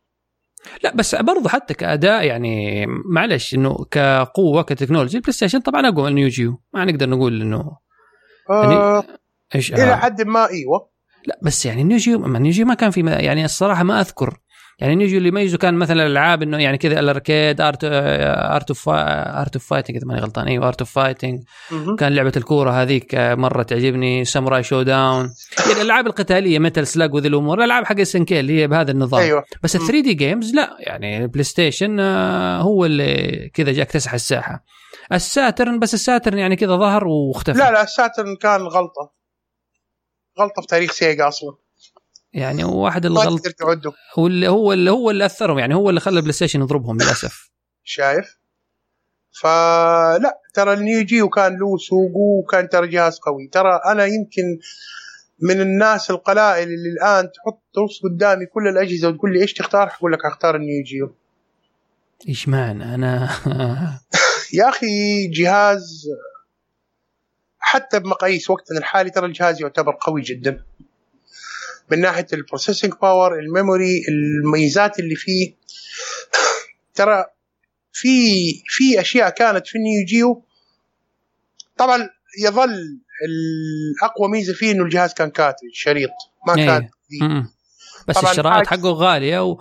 أيوة. وكبير ولو بتروح بت... يعني تتبادل مع الشرايط مع أصحابك في المدرسة تنكفش سريع سفري. بالضبط. بس لا okay هذا مو محور الحديث الآن نتكلم عن الجهاز. بقول لك إلى الآن الجهاز ما زال ال gameplay حقه يا أخي رائع جدا جدا جدا. والله أنا صدق هذا الجهاز الوحيد اللي يعني ما يعني ذيك الأيام أنا أذكر ألعاب طوكيو كان تقدر تروح يشغل لك الجهاز يعني كنت تختار لعبة يشغل لك إياها وتقعد تلعبها. فأنا يعني يمكن هذه هذيك الأيام يعني اللي يعني إن الجهاز اللي اشتريته ما ما اشتريته الصراحة. أيوه. فيعني وما زال يعني فترة فترة أدور مثلا في مجموعات ال retro إذا أحد بيبيع الجهاز بس الصراحة الجهاز سعره غالي حتى ذحين بالنسبة لل collectors يعني ماسك سعره. والله شوف آه، المكان اللي أقول لك تروح هتلاقي فيه ما حتصدق فين حراج الصواريخ. حراج الصواريخ؟ okay. والله الصراحة يبغى لي شكلي انزل في تلاقي المحلات حقت الألعاب ما زالت عندهم الأجهزة هذه مستعملة وتلاقيها بأسعار كويسة. لا تدخل online online غالي. لا لا مو اونلاين أنا أتكلم على groupات هنا في يعني شباب مثلا هنا في جدة يعني يبيعوا لك مثلا بس تلاقي الجهاز يعني سعره فوق الألف. إذا هو مثلا جهاز نظيف ولا شيء غالي. عشان كذا أقول لك روح حراج الصواريخ. حتلاقي بأسعار رخيصة جدا جدا جدا. ممكن تأخذه مع خمسه سته أشرطة برقم ما ما يتجاوز ال 1000 ريال. والله يا أخي حمستني. يب روح تلاقي بس يا أخي أنا قبل قبل فترة فرعت سمعت إنه قفلوا حراج الصواريخ أو سووا كذا شيء. هو زي ما تقول اتنفض بس ما زال في محلات تلاقيها. طبعا اللي يسمع اللي ما يعرف حراج الصواريخ زي تقولوا هو سوق حاجات مثلا زي ما قال لكم حاجات مستعملة حاجات قديمة خردة ممكن stockات لحاجات تلاقيها كلها هناك موجودة في السوق. بالضبط هو ده. طيب نرجع آه، موضوع التمثيل المحلي. أنت قلت لي يعني GoldStar والفيصلية يعني الشركات من بدري وعوا.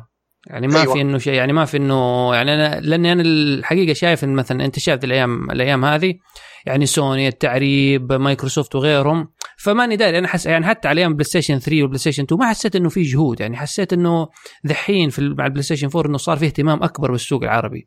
يعني أول يمكن نحن ما كنا سوق كبير بالنسبة لهم فالتمثيل كان ها تركيز على المبيعات أكثر منه تعريب ويقدم لك إنه يعني شيء ملائم لثقافتك وذي الأمور. أعطيك معلومة مهمة. قول. أول لعبة آه نزلت بكتالوج عربي كانت جيكس. أها في ذاك الوقت حتى أنا اللي ترجمت الكتالوج okay على على ال على ال 3D على البلاي ستيشن. Gex. أنا الصراحة لعبت على على 3 دي بقول لك البلاي ستيشن لا بس أي Gex Gex 3D ولا Gex الأولى 2D؟ آه لا أول واحدة. أول واحدة نزلت على البلاي ستيشن. أنا ماني أنا فاكر أنا البل... كان أنا فاكر ال 3D اللي كانت نزلت البلاي ستيشن. وهذه كانت الفكرة آه من الفيصلية. امم وانهم يبغوا يبدأوا ينزلوا في البداية طبعا ما كانوا ما كانت الفكرة إنهم يترجموا الألعاب والقوائم مثلا بالعربي. مم. بس بدأوا بالكتالوج. كانت أول لعبة تنزل بغلاف عربي بكتالوج عربي. وزي ما قلت لك كان اجتهاد من الفيصلية. طب حلو. فكانوا مهتمين. جميل. يعني آه، أيوه بس يعني زي ما قلت لك أنا ماني عارف. يعني يمكن ذيك الأيام بعيدين عن الشيء ما في نت ما في حاجة في التواصل غاية فالواحد يعني دائما يفترض بعض بعض الأمور. أيوه. بس آه، يعني ما أنت دحين بالعكس إنك جالس تنورنا وتوضح إنه كان لا في جهود وفي اهتمام باللاعبين. أيوة في اهتمام. طبعا قليل جدا جدا. أنا هذه النقطة يمكن اللي الآن أقول لك هي قليل جدا اللي شافوا النسخة العربية أو السي دي العربي. لأنه 90% من السوق في ذاك الوقت كان برضه اعتماده على ال copy. صحيح. فقليل جدا اللي اشتروا النسخة الأصلية. لكن من ال... لو دورت مضبوط وحصلت واحد عنده نسخة إلى الآن حتلاقي الغلاف بالعربي والكتالوج بالعربي. ما هو عشان كذا بقول لك هل هل مثلا ال copy والقرصنة هي اثر يعني خلتهم مثلا يعني الحماس عندهم يخف شوية؟ حيقول لك يا عمي خلاص الناس كلها شغالة بال copy.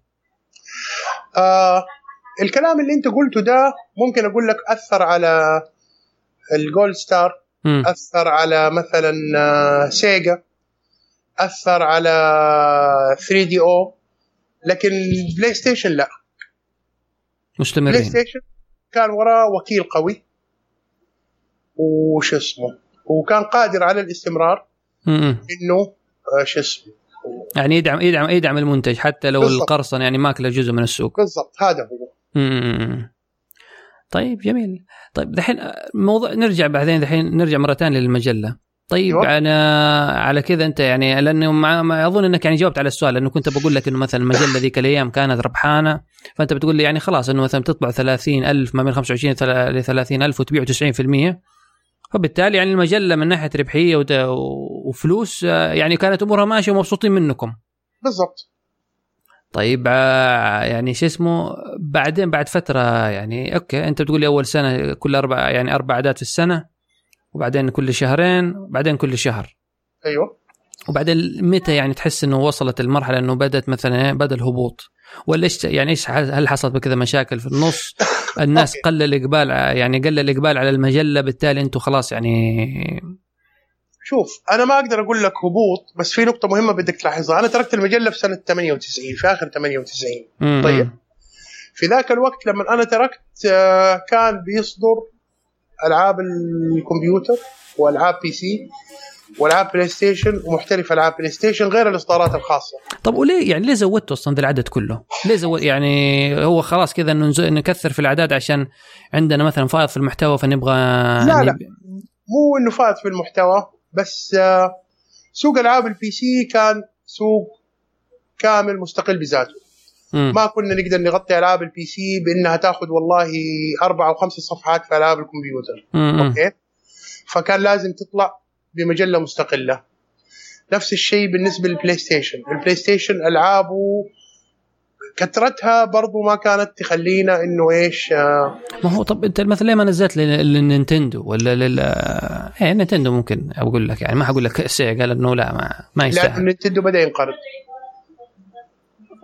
والله شوف أنا من الناس أنا من الناس اللي اللي جدا أحب النينتندو 64 يعني اعتبره من الأجهزة اللي جدا ذا نينتندو 64 ما انتشر عندنا ذاك الانتشار اللي يخلينا نفكر إنه نخصص له مجلة قائمة بذاتها. كان برضه ممكن يتغطى في إيش في ألعاب الكمبيوتر. طب يعني والقرارات هذه إنه نحن حننزل مثلا مجلة متعلقة بال PC ومجلة بلاي ستيشن متخصصة. يعني هذا يعني جات منكم ولا جات مثلا هم هم سووا دراسة للسوق وقال لك لا حنزود مجلة مجلتين؟ بالضبط. هذه نفس الكلمة اللي أنت قلتها. كان في قسم التوزيع هو اللي مختص بالأشياء دي كلها. طب هم بناء عليه يعني هم كانوا يفهموا مثلا في ال games عارفين إنه في سوق هو لما بتطلع مثلا فكرة والله إنه ألعاب ال PC محتاجين نتوسع فيها. بنوسع بنوسع بنوسع. طب حنوصل لمرحلة ما حنقدر نغطي كل حاجة. طب ليه ما نسويها في مجلة إيش منفصلة؟ بس إنه إحنا قلنا مجلة منفصلة في أشياء كانت تطلع من عندنا في أشياء كانت بتيجي من الإدارة. يتسوى عليها دراسة. كم حجم السوق؟ هل في مبيعات؟ هل هل هل؟ okay. بعد كذا بتسوي مثلا عدد أو عددين مثلا زي ما تقول تجربة للسوق. وتشوف يعني التقبل والمبيعات. بالضبط. ولو ما كان في عليها طلب ومبيعات كان ما استمرت. طب مثلا زي ألعاب بلاي ستيشن ألعاب PC برضو يعني كان كانت كل كم تصدر؟ آه ألعاب بلاي ستيشن كانت تقريبا كل شهر وألعاب PC كانت كل شهرين. طب ونفس فريق العمل نفس عدد حق فريق العمل حقكم؟ أيوة. والذي يعني احسه كذا يعني زي اللي زاد الضغط عليكم؟ لا لا ما زاد الضغط لأنك في النهاية أنت بتمسك game بتلعب ال game بتغطيه من الأول للاخر وبعد كده بتكتب عنه. يعني ما اختلف إلا ال platform اللي بتلعب عليها. بدل ما إنك كنت بتلعب على مثلا نيو جيو ولا سوبر نينتندو بتلعب على PC أو على بلاي ستيشن okay. لا بس أنا قصدي يعني كمية الكتابة يعني أنت مضطر تكتب ما أدري عندك مراجعة لكذا كذا لعبة بلاي ستيشن على كذا كذا لعبة نينتندو 64 على إذا حتكتب على ألعاب نيو جيو ولا و PC فيعني حتى اللي مثلا الكتاب واللي هيعمل مراجعة أنت عارف يعني تأخذ وقت.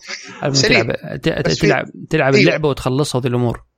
ترى إنك تلعب اللعبة وتخلصها ترى ما كانت تأخذ أكثر من يوم يومين. وإنك تكتب الموضوع بياخذ كمان منك يوم أو يومين. وقلت لك يعني ما شاء الله فريق العمل في مرحلة من المراحل كان 20 شخص أو أكثر. شايف؟ فلو أنت حسبتها إنه كل شخص مثلا في الأسبوع بيخلص له موضوعين.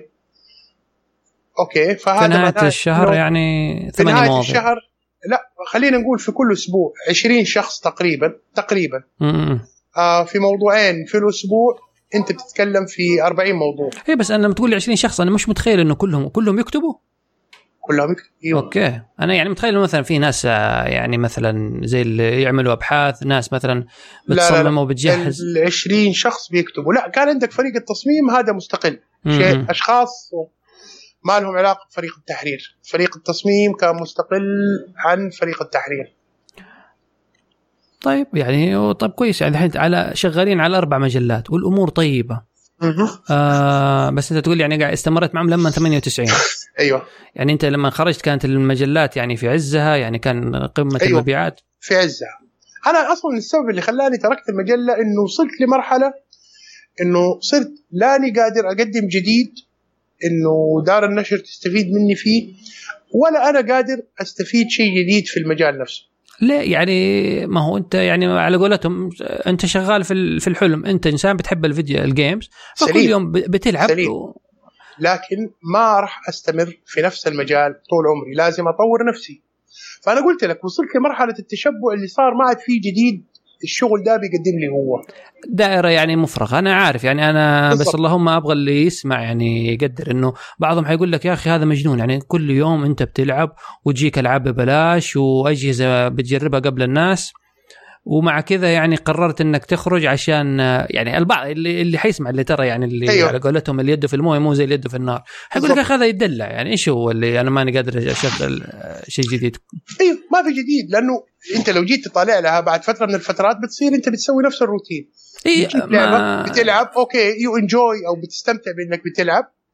آه بتكتب الموضوع حقك خلصته بتدخل للمرحلة اللي بعدها جاتك لعبة جديدة أو حتى ممكن لعبة تعرفها من أول بس بدك تكتب عنها مثلا استعراض موسع أو حل كامل. فصارت بالنسبة لي روتين. إيه، يعني دائرة مفرغة يعني حتى متعه ممكن في نقطة مهمة كمان. أنا يمكن ما قلتها. أنا يمكن في آخر سنة أو سنة ونص حتى ما ما صرت بكتب مواضيع. أوكي. صار دوري تماما إخراج وطباعة.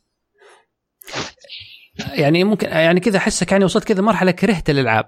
لا ما كرهتها.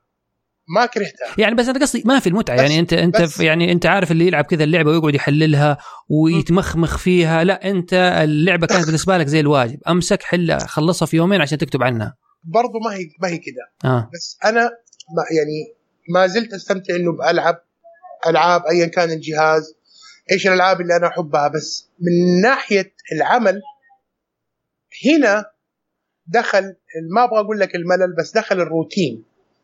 وأنت يعني أوكي. يعني تبغى تبغى شيء جديد قصدك؟ يعني عشان أيوه. تطور يعني مهارات جديدة خلاص. بالضبط هو ده. يعني أنت جبت الكلمة اللي أنا يمكن ما ما عرفت أجيبها اللي هي مهارات جديدة. يعني أنت بتحس إنك يعني في تطور مستمر. أنا قصدي بعد فترة خلاص أنت صرت متمكن من من التصميم متمكن من. الكتابة من الإخراج. أيوه. آه وطبعا يعني يعني هي يمكن حتى الشخصيات يعني في الأشخاص اللي هم كذا اللي جانبين الميال ال creative وإنه للإبداع إنه أوكي أبغى شيء جديد. أنا ما بجلس أنتج كل شيء أبغى أنتج شيء جديد. إني أحس إني كذا برهبة إني أنتج شيء جديد ما عمري سويته عشان إني أحس إني تعلمت. صحيح. هو نفس اللي أبغى أقوله بس يمكن ما ربنا وفقني إنه يزبط معي الكلام. طيب آه، يعني على كذا انت يعني قلت لي يعني على آخر سنة وشوية ما انت يعني لا انت قادر آه، كتابة وقفت كتابة متخرج بس في الإخراج وتصميم المجلة. أيوه. طيب لما كذا يعني مثلا ما خطر في بالك ذيك الأيام إنه أوكي نحن الآن مثلا أنا الآن كويس في الطباعة ليه مثلا ما خطر بالك إنه خلينا نتوجه للنت؟ يعني ذي ذيك الأيام صح الإنترنت في بداياته. لما نسوي مثلا موقع وكذا وقد شيء جديد؟ من إخراج المجلة أروح مثلا تصميم المواقع وذي الأمور. ما ما خطرت على بالكم؟ فعلا هذا اللي حصل أصلا. توجهت لمجال الإنترنت وتصميم الإنترنت والمواقع. بس عشان لا نخرج عن موضوع الألعاب. لا أنا قصدي إنه يعني نفسها ألعاب الكمبيوتر ليه ما انتقلت إلى العالم الرقمي؟ طيب هذا السؤال آه يمكن أنا ما أقدر أجاوبك عليه 100% أو, أو قصدي يعني أنت على أيامك ما انطرحت ذي الفكرة؟ طيب ما أنا هذا اللي أبغى أقول لك هو الآن. بعد ما تركت المجلة أسست شركة أنا وواحد صديق لي في مجال الإنترنت. م. آه، تكنولوجيا الإنترنت عموما والشبكات وتصميم المواقع والأشياء دي كلها. آه، بعدها بفترة لما خلاص بدأت الإنترنت نعرف عندنا في السعودية وبدأت الإنترنت تدخل كل بيت. آه، جات في بالي فكرة إنه آخذ ألعاب الكمبيوتر وأحولها من الصورة الورقية للصورة الإلكترونية. رجعت وقابلت مالك دار النشر. وتكلمنا. مين جمال خاشقجي ولا مين المالك؟ لا المالك قلت لك كان اللي هو الشبكه الشبكة العربية آه، النشر والتوزيع. جمال خاشقجي قلت لك كان شريك في ألعاب الكمبيوتر. لكن لا مو مو في الدار العربية للنشر؟ الشبكة العربية للنشر والتوزيع. مو الشبكة العربية للنشر والتوزيع قصدي؟ أيوه الشبكة العربية للنشر والتوزيع هي الشركة المصدرة والناشرة للمجلات كلها. جمال خاشقجي كان شريك في جزئية ألعاب الكمبيوتر فقط. أوكي. أوكي. لكن مسألة إنه والله تتحول ألعاب الكمبيوتر إلى صورة إلكترونية كانت القرار في ذا الشيء راجعة للدار النشر نفسها. جلست مع المالك وتكلمنا. آه لكن ما ربنا أراد في ذاك الوقت إننا وصلنا لصيغة نهائية للاتفاق. لأنه داخل فيها حقوق نشر. آه في حقوق نشر كانت لشركات أجنبية في حقوق نشر كانت للشبكة العربية. فكانت المسألة اللي, اللي عطلت ويمكن ما خلت المشروع ينجح في ذيك الفترة كانت مسألة حقوق ملكية لا أكثر ولا أقل. طب أنت قصدي يعني طب مش فشل ذا المشروع؟ ليه مثلا أنت أسست ما فكرت مثلا تأسس موقعك الخاص و... وتبدأ مثلا من الصفر كموقع مثلا متخصص بال... بال video games؟ في ذاك الوقت كان الموضوع محتاج استثمار عالي. امم أوكي؟ و أوكي في شباب يعني ما قصروا وقالوا لي أنت once إنك بدأت إحنا معاك. جميل. بس زي ما قلت لك كانت المعضلة الأساسية اللي أعاقت الشيء ده إنه كان محتاج استثمار عالي في ذاك الوقت. أنا بتكلم عن نهاية التسعينات بداية الألفينات. إيه يعني لسه يعني ما يعني كلها إيه؟ الموضوع مكلف. ما كان عندي القدرة والله إني أوظف فريق عمل من حتى إنه من اثنين أو ثلاث أشخاص. امم شايف؟ لأنه أنت في النهاية بدك تجيب ناس تبغاهم يتفرغوا لك علشان يتابعوا ويغطوا ويشرفوا. الناس دول آه، وراهم التزامات. والله أكيد ما حد يجي من بيته وفي النهاية حياخذ ولا حاجة. فزي ما قلت لك كان العائق الوحيد الاستثمار إني أحصل أحد يدخل معايا كمستثمر وفي ذاك الوقت يعني طبعا ما في مستثمرين الحين الحين الناس تقول ما في مستثمرين فما بالك زمان. بالضبط. خصوصا لما تيجي تتكلم في مجال الألعاب شايف؟ مم. يعني مسألة إنه الفكرة جات في بال جمال خاشقجي وقرر إنه يسويها. يعني أنا بقول لك بصراحه جمال خاشقجي وبهاء ابو غزاله الاثنين دول يعتبروا فلتة في ال 30 سنة اللي فاتت في إنهم قرروا إنهم ياخذوا خطوة ما حد أخذها قبلهم. سووا مجلة زي العاب الكمبيوتر. أخذت ثلاثة أو أربعة ويمكن خمسة سنوات إلين ما بدأت تطلع لها إيش؟ مطبوعات منافسة. مم. حتى المطبوعات المنافسة ما قدرت تستمر في السوق. طيب وحتى يعني نفسها مجلة العاب الكمبيوتر بعد فترة آه وقفت. أيوه سبب مو وقفت بدأت تخف المبيعات لأنه زي ما قلت لك دخلت الإنترنت بدأت العالم تفهم إيش الإنترنت. صار الوصول للمعلومة أسرع. لا يروح عن بالك إنه أنت الآن لعبة طلعت اليوم. أوكي؟ بتدخل أونلاين بعد ست ساعات. أوكي. بتلاقي كل اللي انت تبغاه عن اللعبة. حتى إيه. في ناس بدأت تشوف كمان حلول للعبة.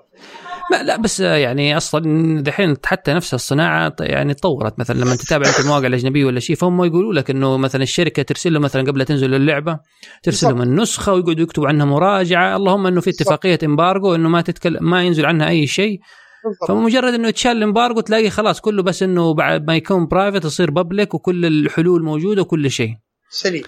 فلما تيجي تتكلم في عالم المطبوعة الورقية، المطبوعة الورقية عبال ما انت تكتب الموضوع أوكي انت ممكن كتبت الموضوع في وقته. لكن في عندك مرحلة الإخراج والتحرير والطباعة هذه ممكن تاخذ لها من ثلاثة إلى أربع أسابيع. أوكي عبال ما تنزل المجلة في السوق، الموضوع قد انحرق. امم أنا قصدي يعني دحين خلاص مع ال technology الأنظمة اداره المحتوى سي ام اس وورد بريس جملة غير وغير وغير والمواقع خلاص صار النشر كله على قولتهم one click أيوه. فهذا الشيء اللي خلى المبيعات حقت المجلات كلها تبدأ تنخفض اللي وصلت المجلات كلها يعني وصلت لمرحلة إنه ما صار آه، إنتاجها أو نشرها مجدي ماديا.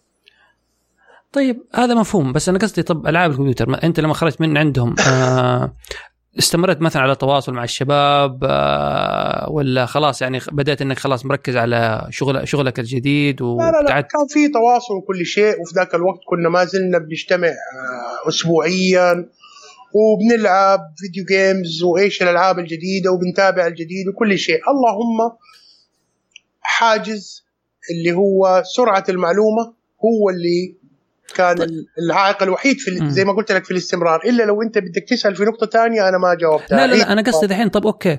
أنت قلت لي ذيك الأيام رحت آه، للمجلة أو ملا للملاك العاب الكمبيوتر اللي آه، الشبكه آه، عشان لا أغلط الشبكة العربية للنشر والتوزيع أيوه. فرفضوا الموضوع. أول سنة قلت لي قلت لي ما رفضوا. ما ما وصلتوا قصدي إلى إلى إلى, إلى اتفاق. اتفاق بسبب حقوق الملكية وحقوق النشر. يعني ماني فاهم لما تقول لي أنت يعني كيف آه، حقوق الملكية وحقوق النشر؟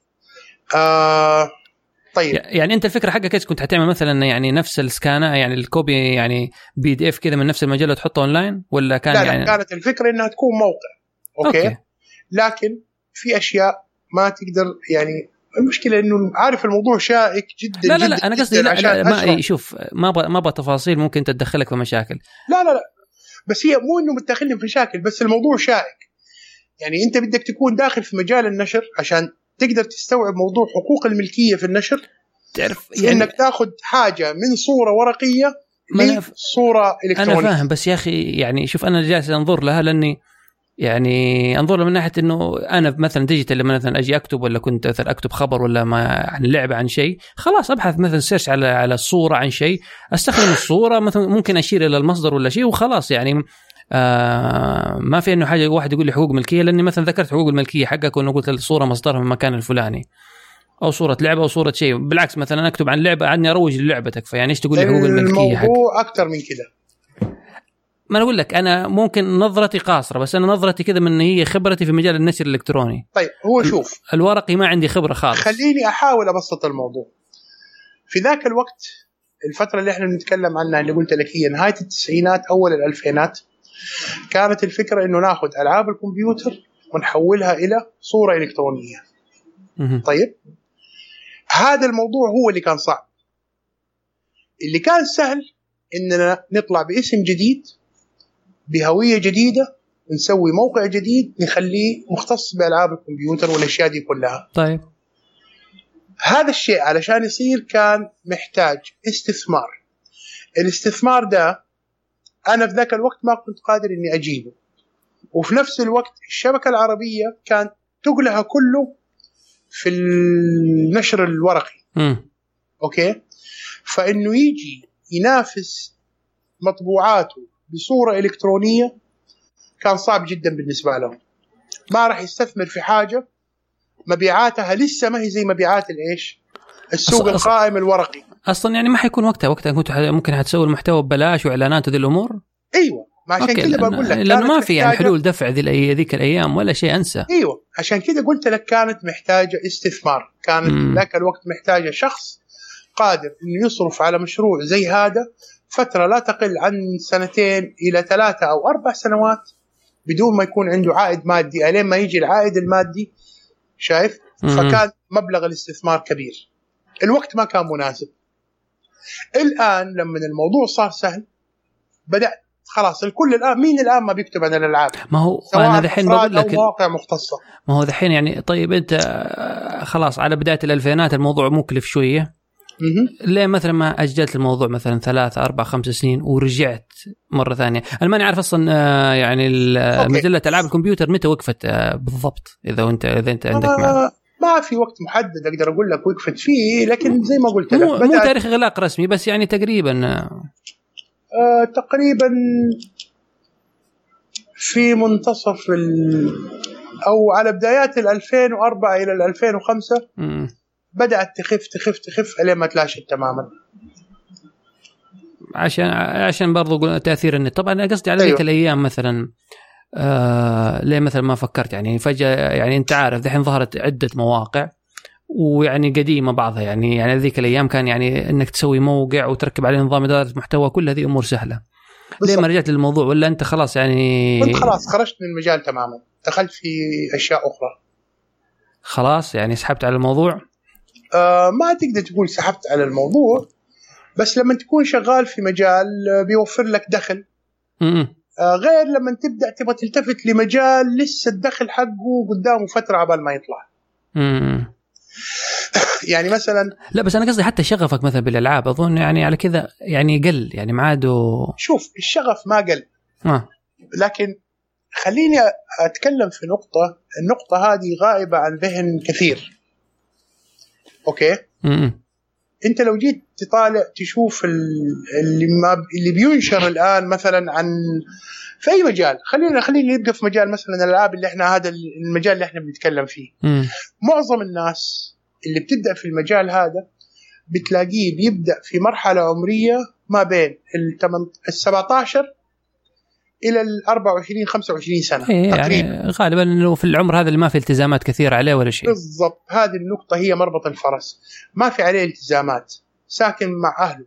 مصروفه بيجي من أبوه لساعه بيدرس وفي عنده وقت فراغ. مم. وقت الفراغ هذا بيخصصه إيش؟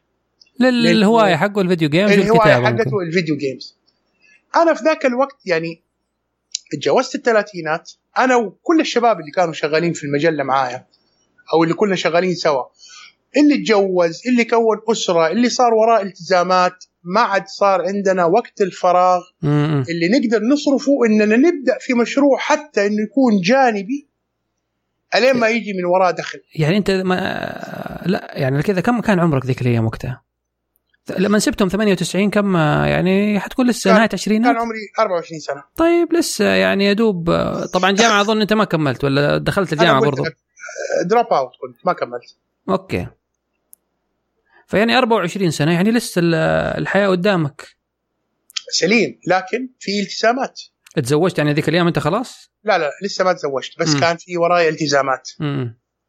شايف هي م. اللي ما خلتني إني أتفرغ أو إني أوجد أو أقدر ألاقي وقت الفراغ اللي يخليني أوجد مشروع زي ده جانبي وحتى لو بدأت ما كنت أقدر أبدأ لحالي كان لازم الشباب أكيد أو أو اتليست اتليست أقل شيء مثلا يكون معايا ثلاثة أربع أشخاص أكيد ثلاثة أربع أشخاص ما أقدر أبدأ معاهم في ذاك الوقت منهم زي ما قلت لك اللي تزوج منهم اللي كان مثلا خلاص بدأ وظيفته. فلما تبدأ حياتك الوظيفية دوامك من الساعة مثلا 8 للساعة 5 بترجع مرهق منتهي. إي ما ما لك ما, ما في وقت. متى بدك تكتب؟ متى بدك تعمل؟ متى بدك تسوي؟ تيجي آخر الأسبوع الويكند نهاية الأسبوع الوقت اللي أنت فاضي فيه الشباب بيتقابلوا. بيلعبوا بيستمتعوا بوقتهم بس هذا اللي موجود. الوقت هذا ما يكفيك إنك تلعب وتستعرض وتبدأ تكتب. أي عشان كذا عشان كذا يعني الواحد إيه خلاص إنه يعني شلت أنت شلت الموضوع من راسك. بالضبط. طب أنا فاكر لما تكلمنا في التليفون أنت يعني لما يعني كنت يعني ماني داري ما ما أدري أقول مستاء يعني لما قلنا يعني جبنا سيرة إنه في ناس مثلا أو إنه يعني جهودكم كذا زي اللي مثلا في الأونلاين عموما إنه مغيبة أو إنه يعني ما يشار. يعني أنا الصراحة ما حصلت يعني أونلاين يعني قليل قليل مثلا يشار إلى مجلة ألعاب الكمبيوتر ولا دورها ولا غيره من من المواضيع هذه. ولا دورها حتى في صحافة يعني ألعاب ال video games أو أيوه. مثلا ما ما, ما يعني ما ما بظلم أحد بس ما أذكر مثلا واحد يقول إنه متأثر بيها أو إنه هي اللي دفعته لهذا الشيء. أوكي فأنت يعني كان لك وجهة نظر ولا كنت بتقول حاجة أيوة. برضه أنا ما زلت أقولها ودائما أقولها حتى يعني إذا نفكر الموضوع عموما أنا عن نفسي ما أنكر إنه أنا مستاء استيائي مش إنه آه أنا مثلا مغيب بس استيائي إنه الكل صار بيقول آه أنا أول أنا أحسن أنا أقوى من ظهر في المجال ده الكل بينكر دور ألعاب الكمبيوتر. مع العلم إنه في كثير منهم إيش؟ نشأوا على مجلة ألعاب الكمبيوتر. أيوه. شايف؟ لكن بينكر الشيء ده. يبغى الفضل كله لنفسه. ينكر مرحلة ألعاب الكمبيوتر في حياته. أنا بتكلم عن الناس اللي حضروا ألعاب الكمبيوتر. سيبك من الجيل الجديد اللي كانوا مثلا مواليد التسعينات أو منتصف التسعينات لأنه هذا في الوقت اللي هو فتح فيه عينه كانت خلاص ألعاب الكمبيوتر ما هي موجودة. اللي هم جيل الإنترنت هذا. هذول ما ما يعرفوا المجلة. بس يعني لا في في في ناس من جيلنا يعني أصلا في ناس ال... في ناس يعرفوا المجلة وما زال لهم علاقة بمجال الألعاب وال video games لكن ما يبغى ينسب الفضل اللي معرفته في مجلة ألعاب الكمبيوتر. طيب يعني ممكن حيقول لك يقول لك يا أخي طب أوكي يعني إحنا نحن أنا كنت أقرأ مجلتكم وكل شيء بس خلاص يعني إيش أسوي لكم؟ أنا الحين بالعكس أنا حفرت طريقي بيدي وأنا اللي يعني تعبت وأنا صرت أكتب وكذا وكذا ليش ليش أشير مثلا؟ على عيني وراسي من حقه يسوي الشيء ده لكن يعني حيقول لك أنا اللي تعبت أنا اللي سويت أيوه. أنا تواصلت مع الشركات أنتم إيش تبغوا مني يعني ليه أقعد بالضبط. أذكركم؟ أنا ما قلت لك اذكرنا ما ما أبغى ما أبغى أقول لك اني أقول لك إنه لازم يذكرنا لكن أنا ما بتكلم عن يوسف أو عن أسامة أو عن أحمد أو عن سلطان أو عن علي. أنا بتكلم عن ألعاب الكمبيوتر. ليش أنت تنكر مرحلة في حياتك أنت مريت بيها ساهمت في تأسيسك؟ طيب بس يعني برضو أنا أقول لك هو اللي حي اللي حيقرأ يعني حيقول لك يا أخي كنت أقرأ المجله أوكي طيب يعني هل لها علاقة بدخول عالم الصحافة حق الألعاب ال video games؟ أقول لك حاجة. ممكن حيقول لك لا, لا, لا, لا يعني ممكن حي... على قولتهم أنا خليني devil advocate هنا. أيوه. أو اني امثل إنه الشخص السيء. أقول لك أيوة. يا أخي طب مئات الأشخاص اللي قروا المجلة مو كلهم صاروا صحفيين فيعني أنت ما لك أي تأثير طيب. علي في اثنين اسمين. ما حقولهم الآن مو لا بلا بلاش ذكر اسماء أيوه لا لا ما حقول لك الأسماء الآن لكن في مكالمة هاتفية بعد ما نخلص أعطيك الاسمين دول وأنت تعرفهم تماما. الاثنين هذول أنا حقول لك شوف امسك أي حاجة هم بيكتبوها وارجع لألعاب الكمبيوتر مكتوبة بنفس الأسلوب بنفس الطريقة بنفس الصياغة بنفس المصطلحات. امم والله ما أدري الصراحة أنا ما يعني عاد هذا خلينا هذا اللي سواه بالضبط إنه لما بيجي يبغى يكتب الموضوع بيمسك أي عدد بيشوف كيف كتبت المقدمة بيشوف كيف حطيت الموضوع كيف ختمت الموضوع وبيكتب نفس الطريقة. حتى المصطلحات في كثير منها إيش بيأخذها من إيش من ألعاب الكمبيوتر. طيب بس أنت يعني أنت يعني خلاص أوكي ممكن هو يذكر ذا الشيء في المقابل يقول لك أيوه صح أنا مثلا لما أكتب مواضيع آه، أرجع لهم. بس يعني هل هو مثلا أنا ماني عارف هذول الأشخاص هل مثلا ادعوا قال لك لا أنا يعني علمت نفسي بنفسي ماني متأثر بأحد ما حد علمني؟ أيوة. هذا هذا الكلام اللي الكل بيقوله. بالله أنا أيوة أنا علمت ما... نفسي بنفسي أنا بدأت بنفسي. والله أنا يعني مش تقليلا من أحد بس يعني المواقع العربية غالبا أنا ما يعني ماني متابعهم كثير فعشان كذا يعني هو عموما أنا أنا بطلت أتابعهم تقريبا من بدايات الألفينات ال 2003 2004 طيب يعني. على كذا طب آه، خلينا نقلب إنه الحين أنت مثلا علاقتك بعالم العاب فيديو جيمز الأخبار تتابعها من فترة لفترة أتابع الأشياء اللي تهمني بس طب يعني في بودكاستات مثلا معينة تسمعها مواقع معينة تقراها؟ لا. المعلومه اللي أبغاها بوصل لها في المكان اللي إيش. يعني ما عندك مثلا موقع حق ألعاب آه، من فترة فتره لابد مثلا تشوفه أو تقرأ أخباره؟ لا لا لا لا لا. لأنه الآن إذا جيت بدي ألعب video game آه نزلت لعبة جديدة آه ممكن أشوف عنها مقطع introductory مثلا في اليوتيوب أو شيء عجبتني لعبتها آه معلومة أبغى أوصل لها. في عندي زي ما قلت لك مواقع ممكن أنا بروح لها بآخذ منها المعلومة اللي أنا أبغاها. أشخاص ممكن أتواصل معاهم آخذ منهم المعلومة اللي أنا أبغاها. يعني مثلا زي IGN وذي الحاجات ما تقراها ما تروح له لا لا لا لا, لا. خلاص. لأنه هذه محتاجة إنك لا أنا IGN مثلا أنا أصلا مثلا البودكاستات حقهم. يعني في عندهم هم اثنين بودكاستات واحد على ال PlayStation وواحد على ال Xbox فهذه أسبوعية فهذه خلاص تسليني في السيارة وأنا رايح وأنا طالع نازل. لا لا أنا متابعة الأخبار دي خلاص دي صارت ما تهمني أوكي أنت خلاص يعني انت, أنت وصلت للأخير إيوه اللي يهمني الآن زي ما قلت لك لعبة أبغى ألعبها هل تستاهل إني ألعبها أو ما ألعبها هل تستاهل إني أصرف عليها أو ما أصرف عليها بلعبها لمجرد إني أبغى أستمتع إني بلعب لعبه اللعبة هذه ايا كانت طيب يعني الحين مؤخرا على كذا إيش من إيش آخر لعبة اشتريتها؟ إيش آخر لعبة اشتريتها؟ آه. وقبل كم؟ آه هو اللعبة حتحدد انت قبل كم اشتريتها. World of Warcraft World War 2 ولا لا قصدك Call of Duty آه sorry Call of Duty World War 2 والله يعني أنا أنا ماني من ماني ماني ماني من جماعة Call of Duty بس يلا أوكي. شايف؟ شك يعني شكلك من الناس اللي في الموضوع الحين يعني محول على موضوع ال online gaming أو آه ال competitive يعني Call of Duty على كذا Black Ops 4 حتشتريها. لا. World War 2 بس لأنها تقريبا بنفس الفكرة وال style حق World آه، اسمها إيش Call of Duty الأصلية اللي كانت آه. على أيامي و Battlefield يعني ما جربتها؟ لا كل الأشياء الجديدة دي ما كانت قتلت اهتمامي في Call of Duty لكن World War 2 لا هذا ال style اللي أنا أبغاه اللي هو نفس ال style القديم اللي أنا طب وأنت تلعبه عشان عشان ال online gaming ولا عشان ال story؟ لا علشان ال joy of the game بس ال shoot أنا أيوه أنا أنا عارف بس انت انت بس. بس, بس أنت يعني تلعب single player ولا تروح تلعب اونلاين؟ آه 80% single نادرا ما ألعب اونلاين أو إذا أبغى group بنكون مجموعة شباب وبنلعبها over network أوكي. وتتجمعوا يعني ما زلت انت والشباب تتجمعوا تلعبوا اونلاين كذا ومع بعض حد؟ عندنا ما زلنا يعني أنا في نقطة مهمة عندي أنا Mac user ترى على فكرة. أوكي. ماني PC user فأنا كل اجتماعاتي حقت الألعاب في السنين الأخيرة كلنا بنكون Mac users وفي عندنا game night تقدر تسميها. مم. ما هي منتظمة بس إذا زبطت طلعنا. أيوه. آه بنلعب الألعاب اللي 80% منها network gaming آه strategy game وذي الحاجات؟ أيوه. آه مو شرط استراتيجي حسب حسب إيش اللعبة.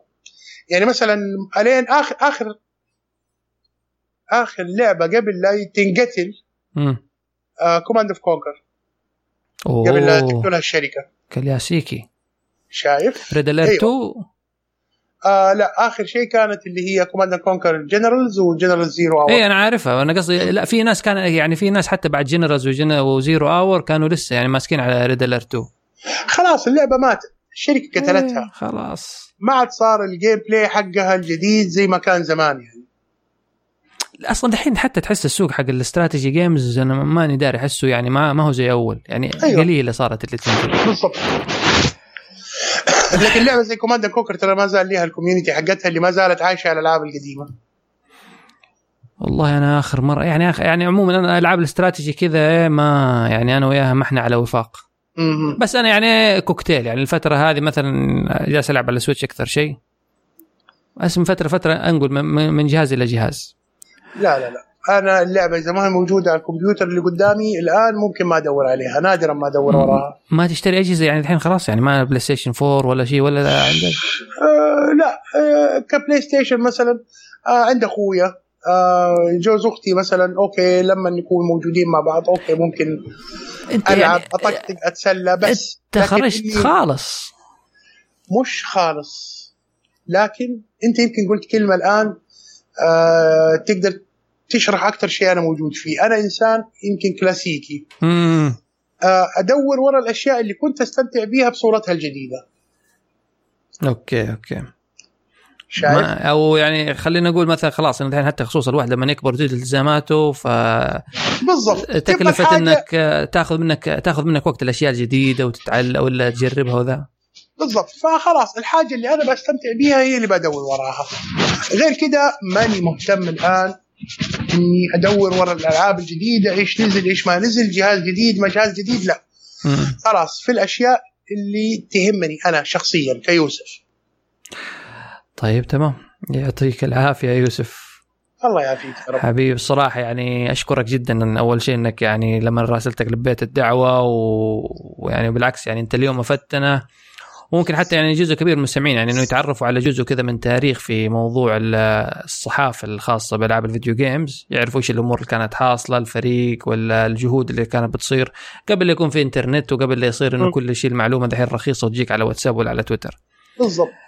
فيعطيك العافية ويعني الشكر آه لك ولكل الشباب والجنود المجهولة اللي كانوا يعني بالعكس يعني ودنا نشكرهم وإذا يعني واحد يعني نفرا نفرا إذا يعني سمعوا هذه الحلقة. والله يعني المشكلة إنه يعني لو بدي أعد حعد لك مين ولا مين؟ وما أبغى أنسى أحد. لكن يمكن النقطة اللي أنا آه، تهمني في الموضوع كله مثلا إنه آه، ألعاب الكمبيوتر ترى ما كانت يوسف مو يوسف اللي أسس المجلة ولا يوسف اللي صرف عليها. أنا زي ما قلت لك في البداية أنا كنت شخص من فريق التأسيس للمجلة. شايف؟ هي هي. آه الفكرة كانت زي ما قلت لك كانت فكرة جمال خاشوجي. آه هو وبهاء أبو غزالة اللي هو أصلا مالك دار النشر مم. بدأوا فيها صرفوا عليها كانوا في وقت ما حد شايف فيه الشيء ده هم شايفين إنه الشيء هذا فيه له مستقبل مم. وفعلا صرفوا عليه وتحملوا الفترة اللي ألين ما جاهم فيها المردود المادي يعني الاثنين هذول المفروض يعني الفضل كله بعد الله يكون ليهم. إيه، ترفع لهم القبعة خصوصا إن هم يعني ما هم ما هم أشخاص من بالضبط. من هذا الكار يعني خلاص بالضبط. إنه شيء كذا مغامرة. صحيح. هي كانت مغامرة والحمد لله ربنا أراد إنها نجحت. جميل جميل يعني. حتى حتى لو إنه مثلا حيقول لك إنه ما استمروا لكنهم تركوا بصمتهم. صحيح وساهموا يمكن زي ما قلت أنت إنه في يعني إنه جيل وطلع إنه اثبت إنه في يعني سوق لصحافة صحافة صحافة ألعاب ال video games حتى إذا في ناس تبغى تنكر ذا الشيء. صحيح. طيب يا سيدي يوسف الله يعطيك العافية أنا يعني حاسس إني مرة طولت عليك. آه بالعكس يعني كنت مستمتع تماما بالحديث.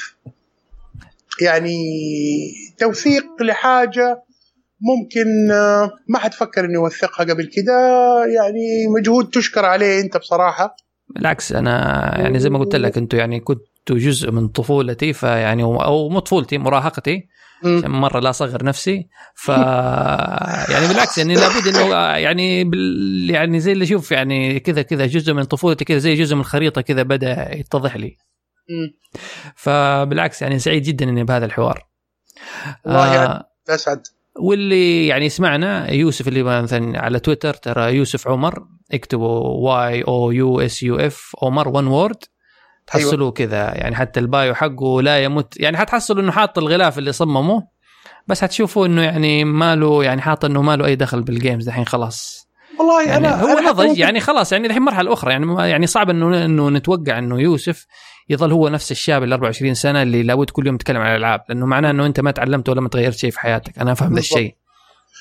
أنا برضو كمان أحاول خلال الفترة الجاية ويمكن على الوقت اللي أنت يمكن تنشر فيه البودكاست أحط يعني مجموعة من الصور الأشياء اللي أحس والله إنها إيه آه في في في, في على فكرة ماني داري إذا مر عليك الحساب ولا لا في في حساب اسمه Old VG Mags أيوه مر علي. اللي اللي يحط اللي يحط اللي يحط صور صور الأغلفة. أيوه. أنا أقول لك دحين كمان أحاول إن شاء الله خلال اليومين الثلاثة الجاية إن شاء الله بس كذا أبغى ألاقي له شوية وقت أحط أشياء اللي أعتبرها أنا مفصلية. م-م. سواء أغلفة أو حتى من داخل المجلة. بالعكس يعني انت بس اعمل منشن ولا حتى قول لي عشان آه ممكن أحط اللينكات حتى بعدين حقه في ملاحظات الحلقة. خلاص باذنه تعالى الله يعطيك العافية يوسف جميعا يا رب إن شاء الله.